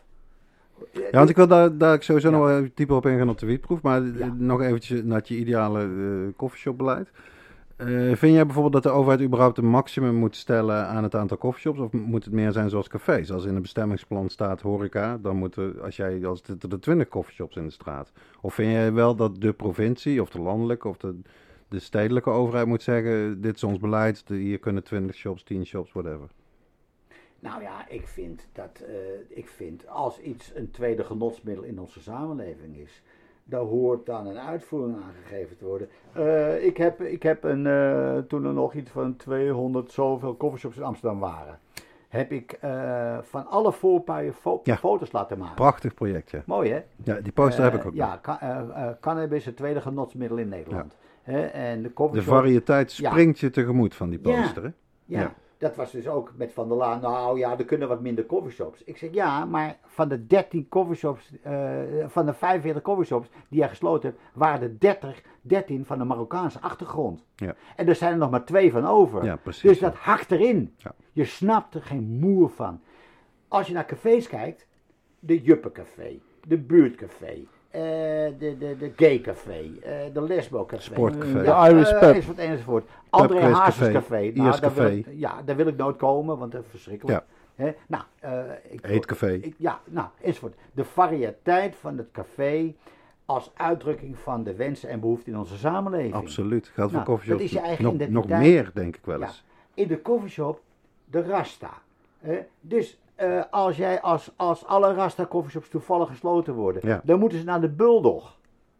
En de Bulldog is de, de, de, de, de, de, de, de, de doorsnee coffeeshop. Ja. Hartstikke goed hoor. Ik bedoel, Henk de Vries met zijn Bulldog, diep respect voor hem. Wereldmerk. Maar eh, moet hij dan 30% eh Rasta-types binnenkrijgen? Daar is hij niet voor. Met precies. andere woorden. En het ook- was er allemaal al. Dat is natuurlijk ook, hè, als je gaat sluiten, kom op. Ja. Het is niet voor niks dat die infrastructuur er is, dat die variëteit er is, dat die mensen daar naartoe gaan. Dat, dat geeft natuurlijk al heel veel aan. Maar Ja.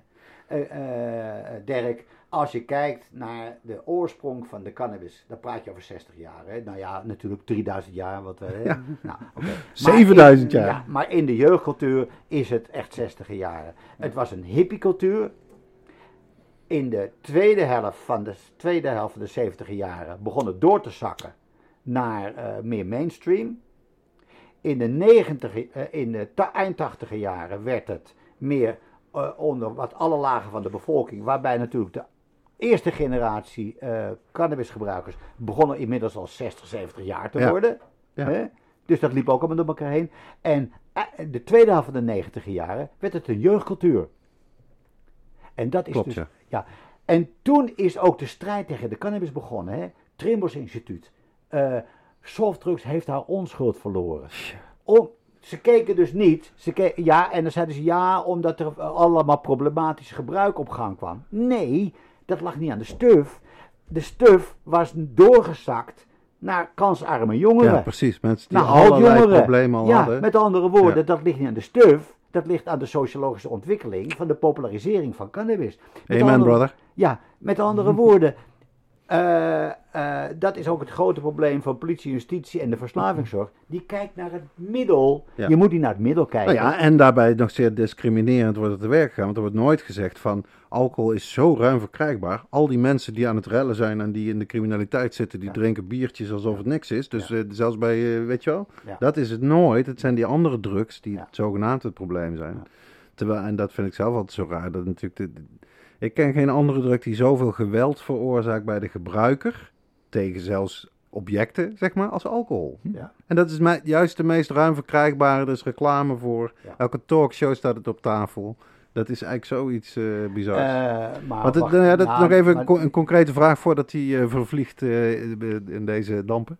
Eh, hoe hou jij dat vol? Want zelf ben ik maar, zeg ik dan, 26 jaar bezig met deze materie. Hoe hou je dat in godsnaam vol met die politici en met inderdaad die frames? Wat je zegt, softdrugs heeft haar onschuld verloren. Die, die krantenkop die heeft denk ik in wel 100 kranten gestaan, zeg maar. Hoe hou je dat vol?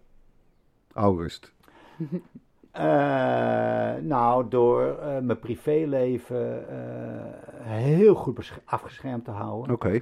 En ik kan ook echt mijn knoppen draaien. Hè. Als ik de Utrechtse brug overrij, dan laat ik echt Amsterdam achter me.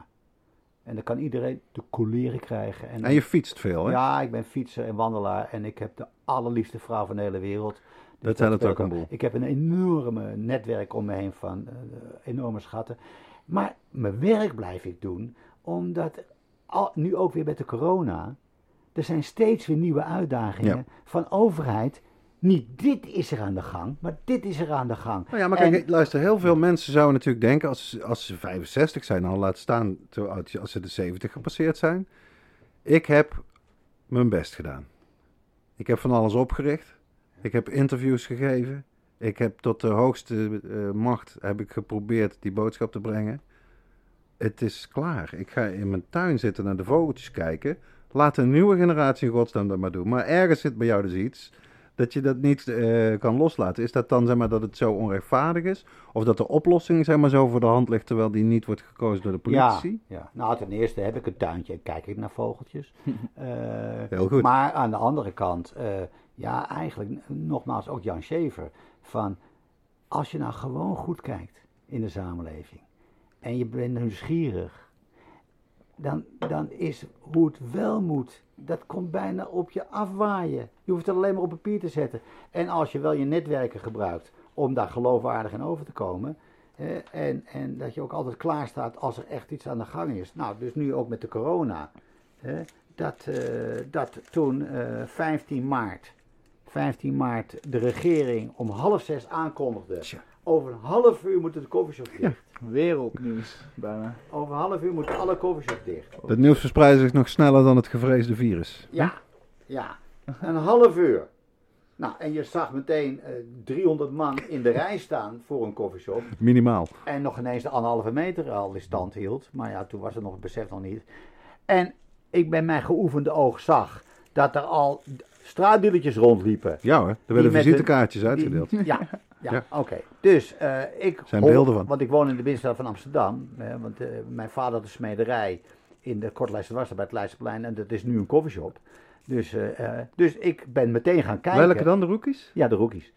En, Fijne shop. ja, fijne mooi, shop. ja, dus iedere keer als ik internationale delegaties rondleid, eindig ik altijd bij de rookies. En dan zeg Ja. ik, hier ben ik geboren. Wauw. En mijn vader, mijn vader had daar de smederij. En jij, jij woont dus en leeft eigenlijk op een steenworp daarvan, toch? Min of meer. Ja. Ja, ik woon 100 grappig. meter verder. En eh, eh, dat waar, waar vroeger de Heineken paarden beslagen werden, met, het, met, met, met de hoeven. Ja, ja, Daar ja. zit nu de huisdealer. Wauw. En, eh, en dan is mijn open Wat een einde- vooruitgang, mensen. En mijn open einde is altijd naar de delegatie die met open mond staat te kijken. Van, nou, is dat nou geen vooruitgang of niet? Nou, oké. Terug naar 15 maart. Ja, Ik zie dat op half zes. Ik hol de stad in en bel mijn vrijwilligers van overal kijken, kijken, kijken. ja. Wat er aan de gang is. En ja, en eh 41 telefoontjes later. Want ja, dan ga je je netwerk aanboren. Uh-huh. Want op zes uur zat ik al aan de eerste telefoontjes en de briefjes in de bussen yep. bij, eh, bij die en bij die en met die ik ga geen namen noemen. Nou, dus ik denk dat ik wel een beetje een bijdrage heb geleverd dat een etmaal later de overheid op deze positie terugkwam. Een van de snelste 180 graden draaien die ik ooit heb meegemaakt Kijk, van een en regering. dan, Waarvan en dan- dank nog steeds. Ja, maar, en- maar dan Ja. is jouw vraag van ja, eh, waarom ga je dan door? Nou, Omdat je ook eigenlijk successen boekt, kan je zeggen. Dit is een Eh. mooi voorbeeld. Kan, hebben we het nog niet eens over gehad. Is goed, eh, moeten we misschien Ja, daar moeten we sowieso nog even over hebben. Nou, want dat is eh, echt Maar dat is natuurlijk ook een rode draad, denk ik, in jouw leven, August. Dat je zeg maar, je- afhankelijk van de tijdgeest, van wat je ziet, wat er gebeurt eigenlijk in de, in de jeugdcultuur en die drugscultuur, ga je focussen. Ga je zeggen van, nu moet een koffieshopbond uitkomen, want de koffieshop verzuipt. Nu moeten we met smart shops organiseren, want er zijn paddo's verkrijgbaar, de wetgeving is zus en zo. Dat werd op een gegeven moment. Nu is CBD een grote hype. Er is allerlei rare CBD-olie verkrijgbaar, internet, kruidvat. Nu moet er eigenlijk, zou er een keurmerk moeten zijn voor CBD-producten. En dat werd eigenlijk het kan. Hè? Kan je eens vertellen hoe dat, hoe dat ging en wanneer dat is begonnen? En o- voordat je erover begint, we hebben daar inderdaad toen ook nog in onze uitzending eh, Klopt, ja. daar eh, over gehad. Vandaar dat het nou heel fijn is dat we het nou eh, persoonlijk kunnen vragen.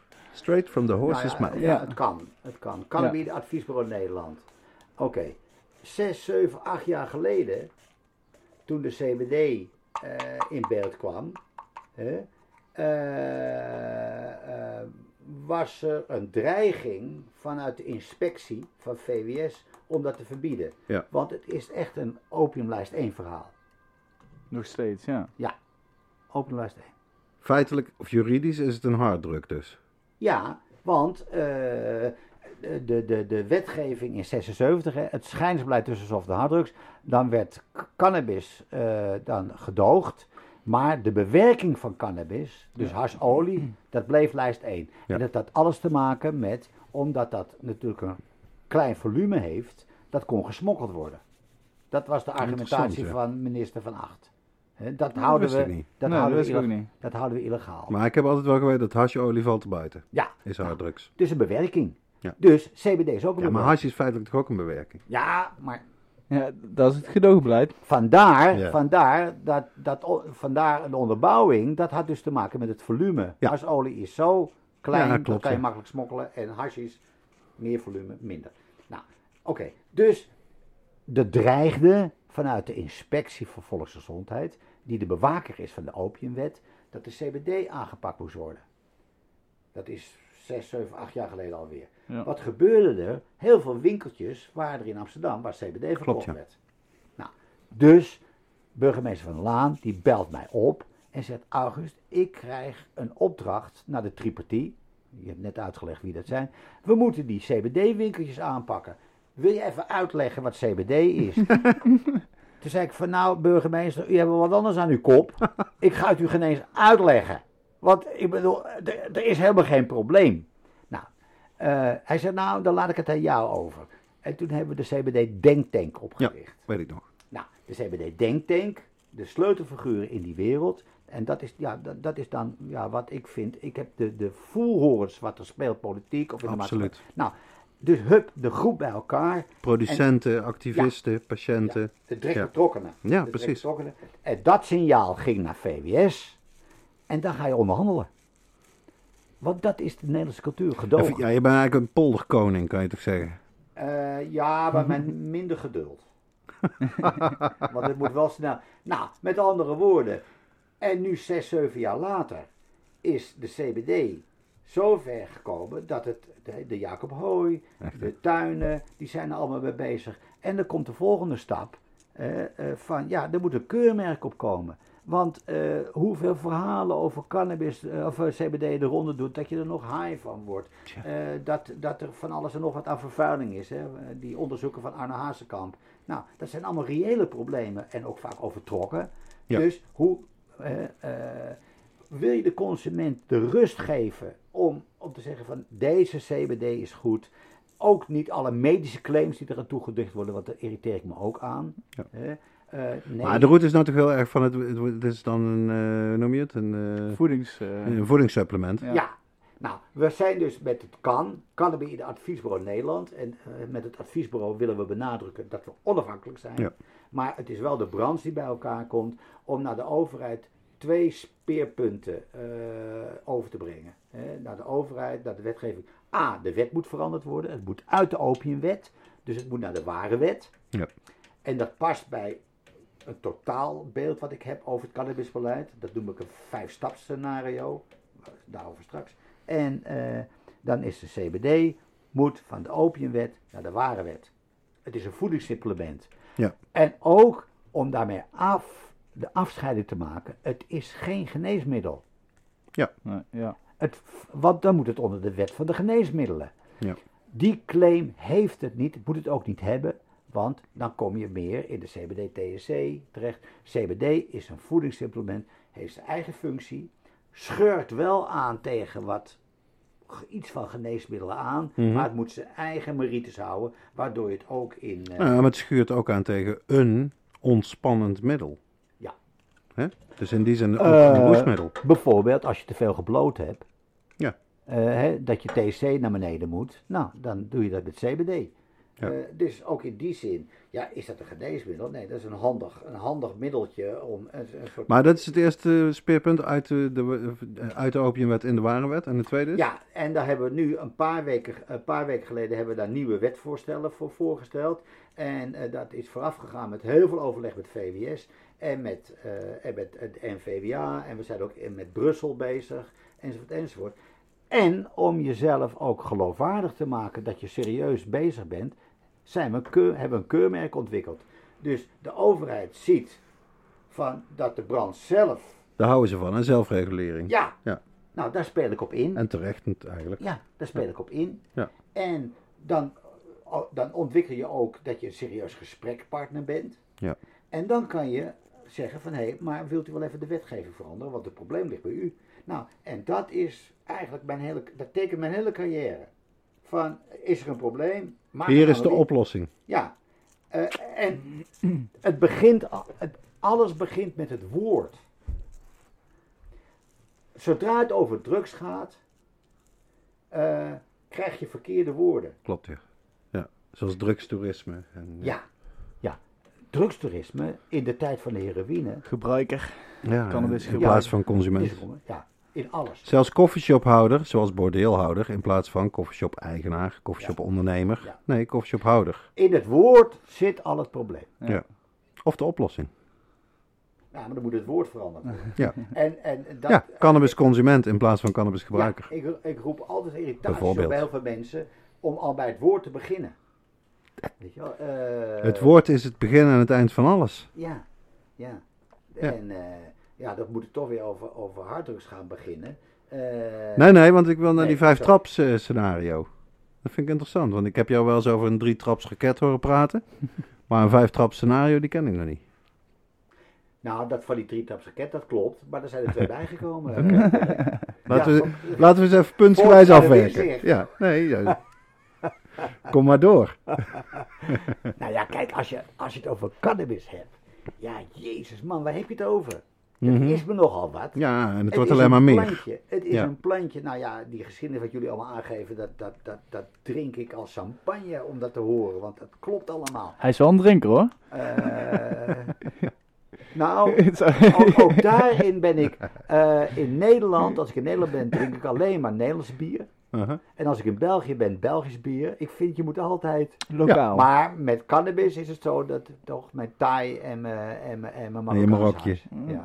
Er is CBD-bier trouwens, hè, sinds kort, als het niet al uitverkocht is. Ja, ja, ja, ja. hadden we in de vorige uitzending oké, ook over. het vijf, de, vijf, de vijf scenario. Ja. Nou ja, nogmaals, eh, eh, ik, ik ben nu een paar keer naar Suriname geweest om het dan maar eh, daarop te focussen. Van het begint met eh, het, de plant heeft een enorme potentie in zich. Dus eh, gaat legaal eh, eh, groeien. Ja. hè, CO2. Ja, Het pakt de zeker. CO2. Het geeft ook weer voeding. Bodemverbeteraar. Bodemverbeteraar. Enzovoort, enzovoort. Ik ben er geen deskundige in, maar de deskundige... Lees het nieuwe boek van Doug Fine, American Erkenning, Hemp Farmer. er- dus- erkenning van de kwaliteiten. Dan is het enorm goed bouwmateriaal. Ja. Mijn buurman... eh, die- Hempcrete. Mijn, mijn buurman die herstelt grachtenpanden. En die heeft ook de paleis op de Dam gedaan. Met hennep? Eh, nee, hij, hij moet. Hij Jammer, dat was een mooie repareert primeur. plafonds. Oké, dus ja. die koninkjes en eh, die, Ja, ja. Die, die engeltjes. En dan moet hij het plafond eraf halen en dan komt hij hennep tegen. Dus ook een paleis op de Dam. dus ik heb, Ja, hem zat met, er al in. die, ik heb hem met Henflex in contact gebracht. Hmm. Die maakt bouwmateriaal van, eh, van, eh, van eh, hennep. Klopt. Nou, eh, dus in Suriname heb ik uitgelegd van nou begin nu ook hier te, te, te kweken, want eh, met de- deze natuur is er ideaal voor. 5 centimeter per dag komt zo'n plantje de grond uit. En daarnaast, eh, de warmte moet je hier buiten houden. Nou, hetzelfde Precies, als je ja. in Nederland de kou buiten moet houden. En dan kan je hennep isolatie. Ja. Nou, hier, dit zijn ook hennepkleren die ik aan heb. Nou, dan heb je de CBD. Je kan de CBD ervan maken als ware, als, als ware product. Hè, Ja. Voedingssupplement voor, eh, voor huid.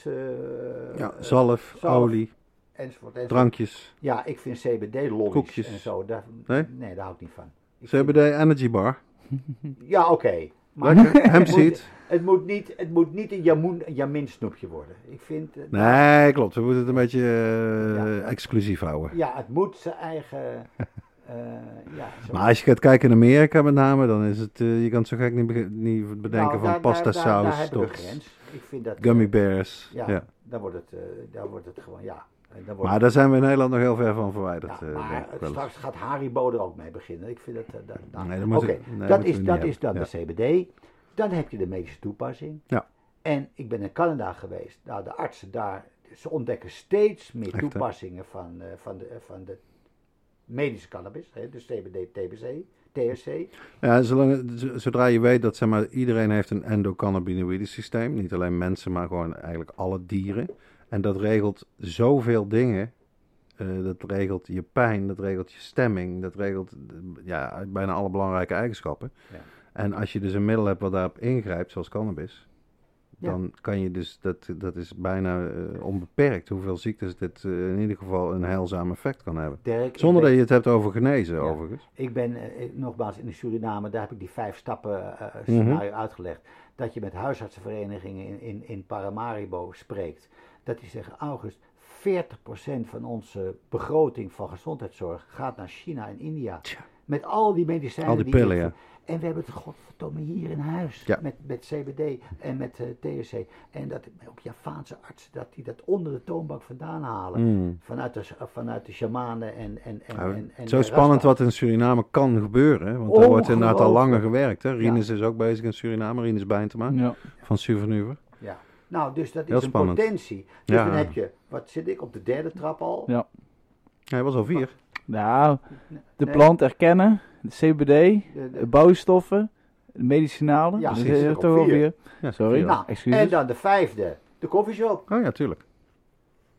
De caféslijterij. de cafésluiterij. Nou, je hebt Van de in, cannabis. in Paramaribo heb je de casino. Aan de, aan de andere kant heb je de kerk. Nou, dat voorziet blijkbaar in een bepaalde behoefte. en, eh, nou, alhoewel, godvergeet me jongen, die, die, die, die predikanten. Daar hoor je misschien nog wat waarheid. Daar zit een ras mis. Ras- Ja, echt? Ja, tegen homo's. Ja. De Pinkstergemeente. Ja, Oh ja, tuurlijk. Ongelooflijk. Ja, je schrikt. Pinkstergemeente, ja. Ja. En eh, dus ook tegen stuf.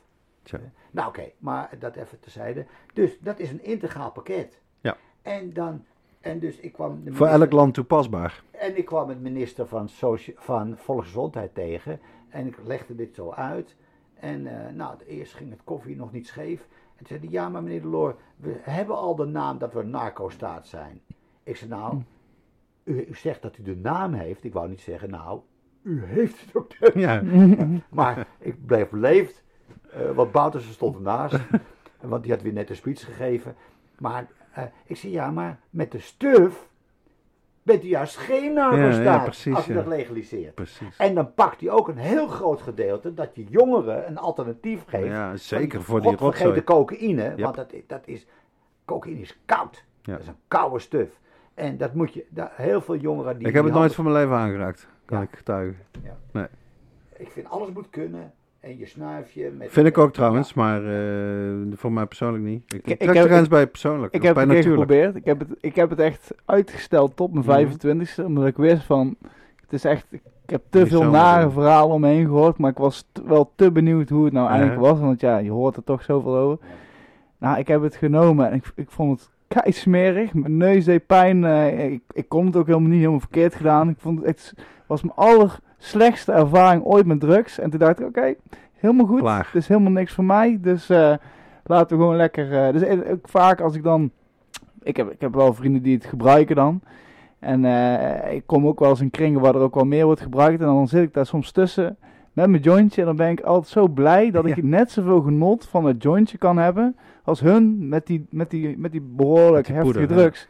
En ik, ik, ben, ik ben net zo lang wakker als hun vaak.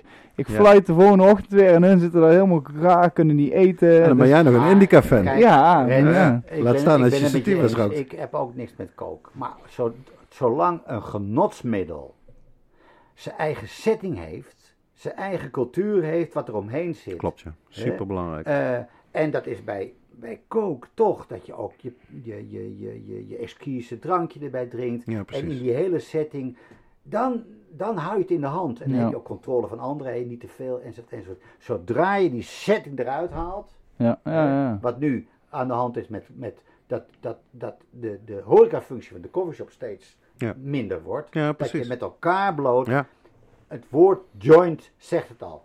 Dat is een Nederlandse uitvinding. Je deelt het met elkaar en daar zit ook dat het genot blijft. Eh, En als het dreigt geen genot te worden, dat er sociale eh, correcties plaatsvinden. Mhm. En dat kan zelfs, heel zachtjes zeg ik het, kan zelfs met heroïne. De heroïnecultuur, want dat is de opiaat. Dat heeft het ook. Zo, als je die omgeving gaat weghalen, Mhm. dat begint met de illegaliteit. Dan Allemaal weg, set en setting. Ja. Dan komt de drugs centraal te staan, Ja. zelfs bij stuf. En dan gaat het fout. ja, klopt, ja. Dat is interessant. eh. En daarom, weet je, waarom de cocaïne. eh, ze hebben het steeds over die mokromafia. Ik vind het een fout woord, want maffia heeft een hele andere definitie. Maar Ja. heel veel van die Marokkaanse jongeren die op die, op, die, op die kook zitten, die drinken er geen alcohol bij. Dus de kook zelf. En ze worden als prinsjes opgevoed. En dan zitten ze zelf in die handel. Toxische combinatie. Ja, Ja. en dat, dat, die combinatie, dat maakt ze koud en, en, Mhm. en onverschillig enzovoort, enzovoort. Maar dat is niet de kook, dat is het hele gebeuren. En dat heeft weer te maken met dat toen in begin 90 jaren de nederwiet op gang kwam, hadden we toen het moeten legaliseren. Dat Ja. was de tijd. Ja, tuurlijk. Dat was de tijd. Ja.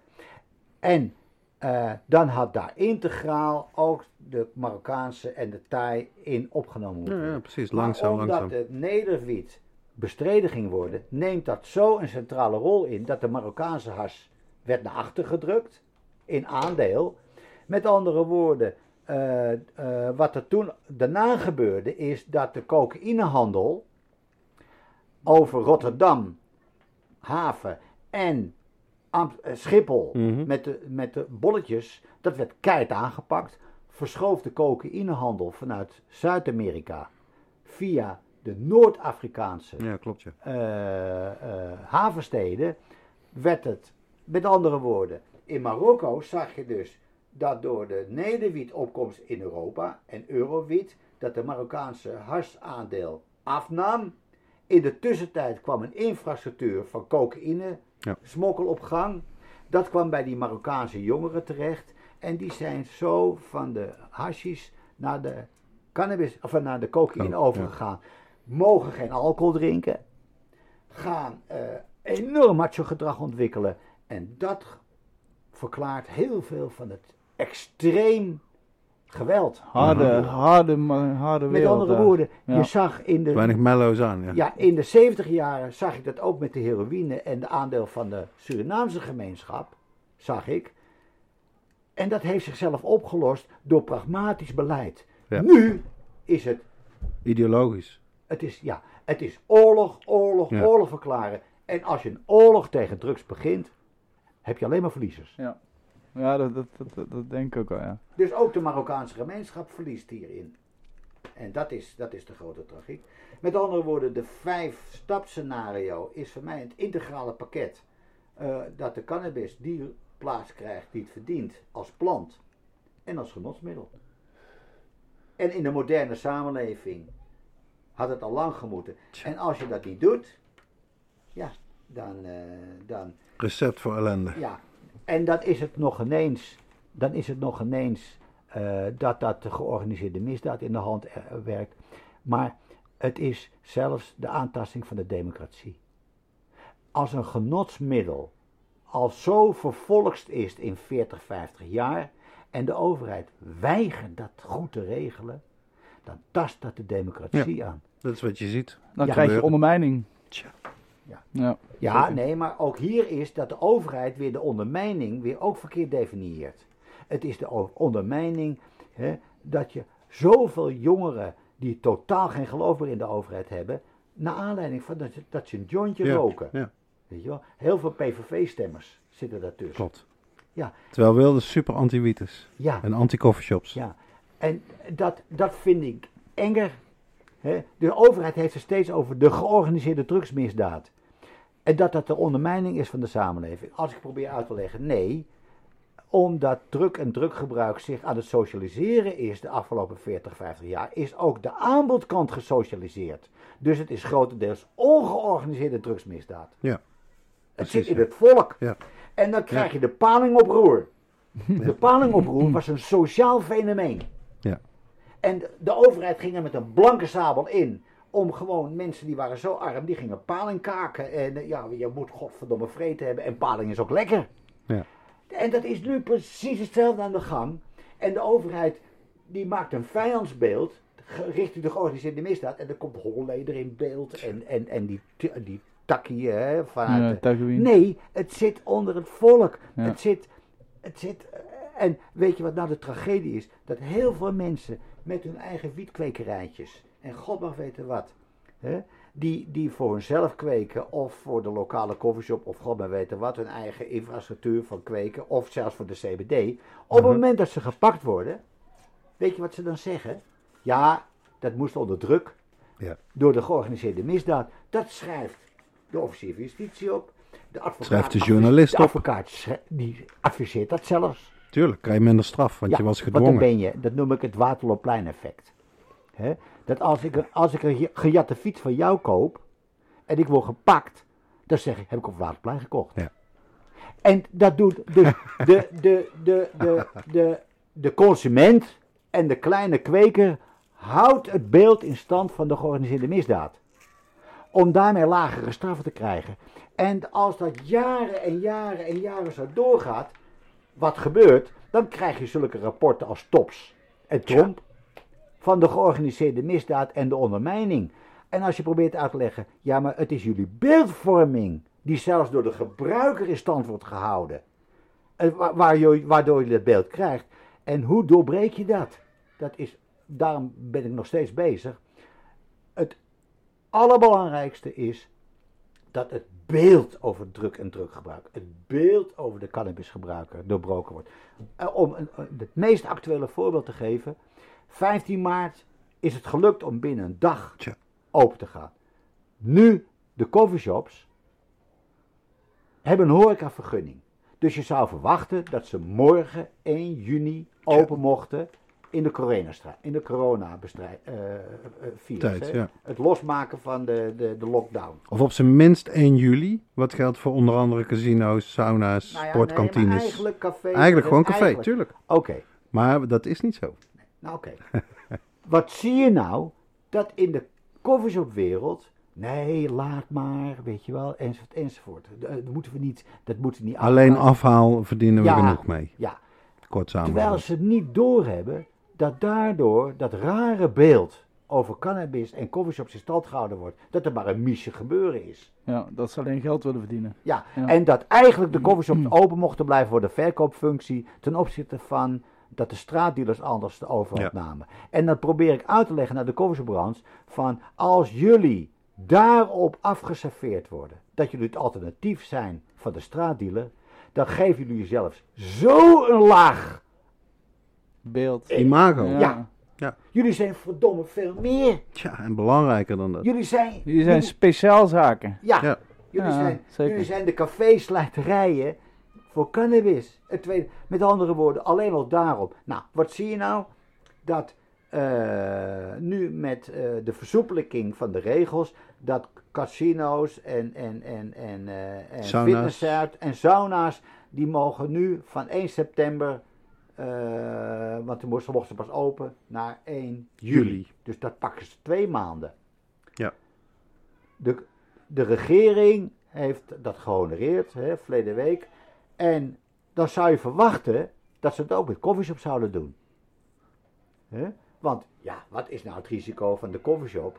Eh, als je daar coronaproof ook je tafeltjes uit elkaar zet, Ja. net als in de cafés, had het eigenlijk al morgen open moeten Exact hetzelfde. Exact hetzelfde. Maar we worden ingedeeld, of de coffeeshops worden ingedeeld bij de seksclubs, toch? Ja. 1 september blijft 1 september. Ja, met andere woorden, dat alleen al hè, eh, eh, geeft aan hoe meewaardig en, en negatief de overheid over. Ze, ze kennen eigenlijk helemaal niet de benefit of de coffeeshops. Nee, klopt. Het punt is, in de presentatie verleden week van Rutte heeft hij bij het opschuiven van al die voorzieningen van 1 september naar 1 juli, heeft hij het woord coffeeshop geen eens genoemd.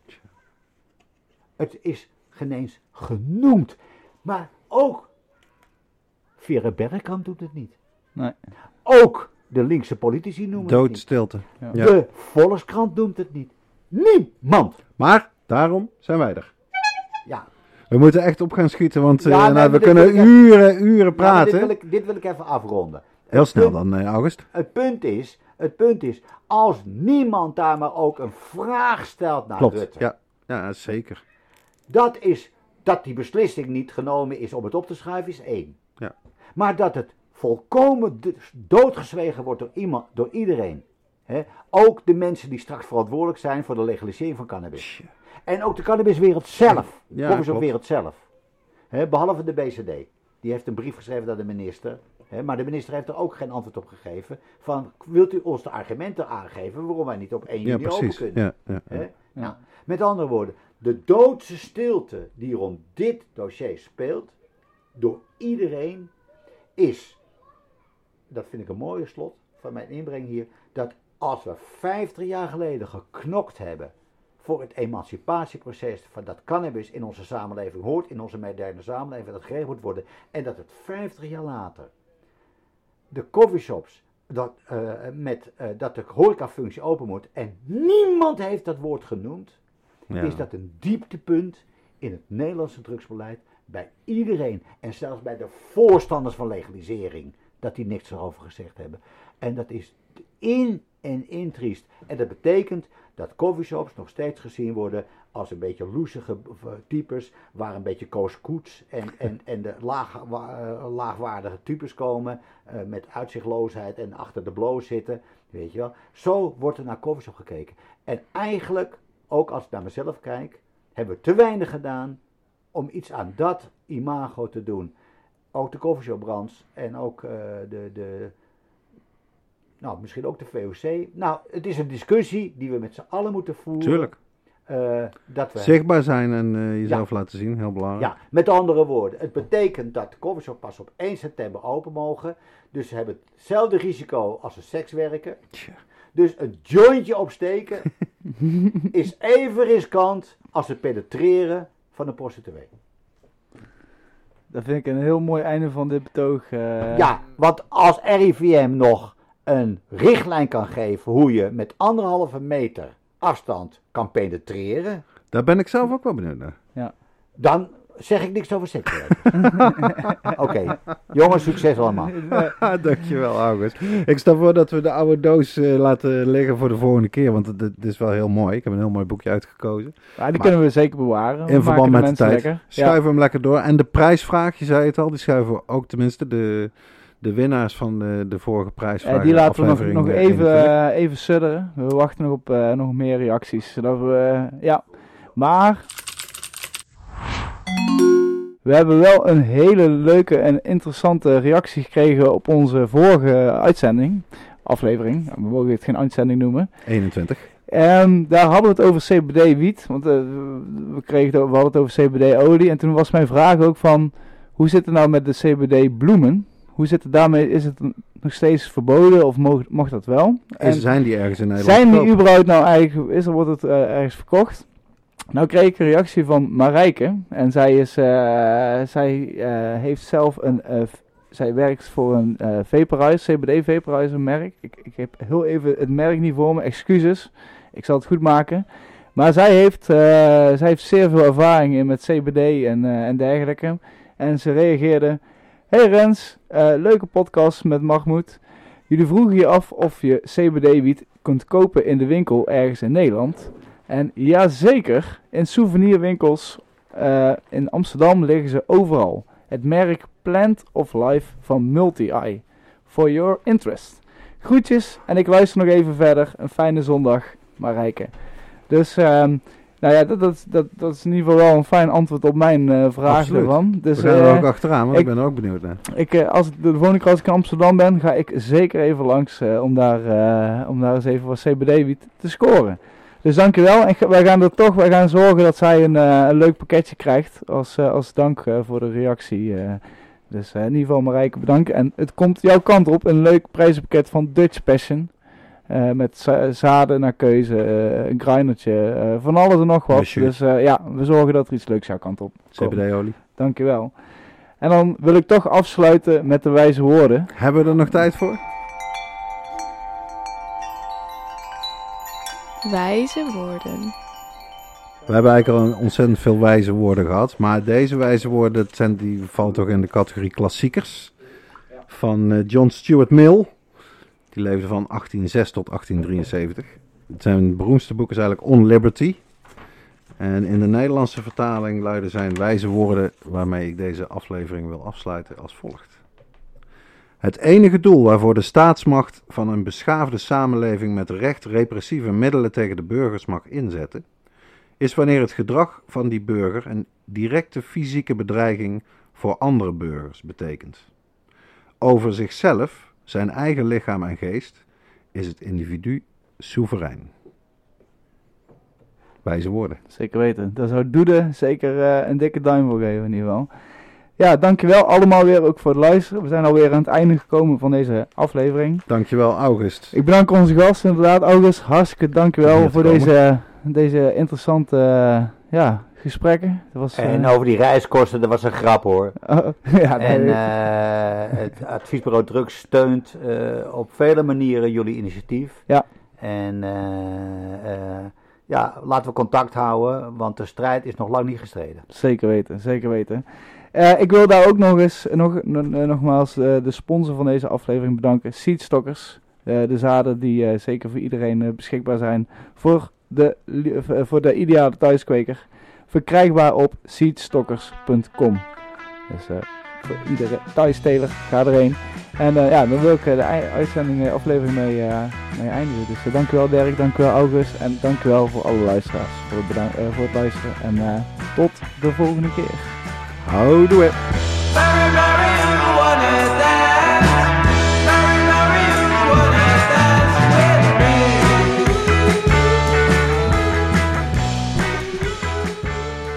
High met Dirk en Rens wordt gemaakt door Dirk Bergman en Rens Hoppenbrouwers. Onze tune is Marijuana van Moon. Beluister de muziek via iTunes en Spotify. Volg High op Instagram, at High Podcast, met een T. Ons mailadres is highteapodcast at gmail.com.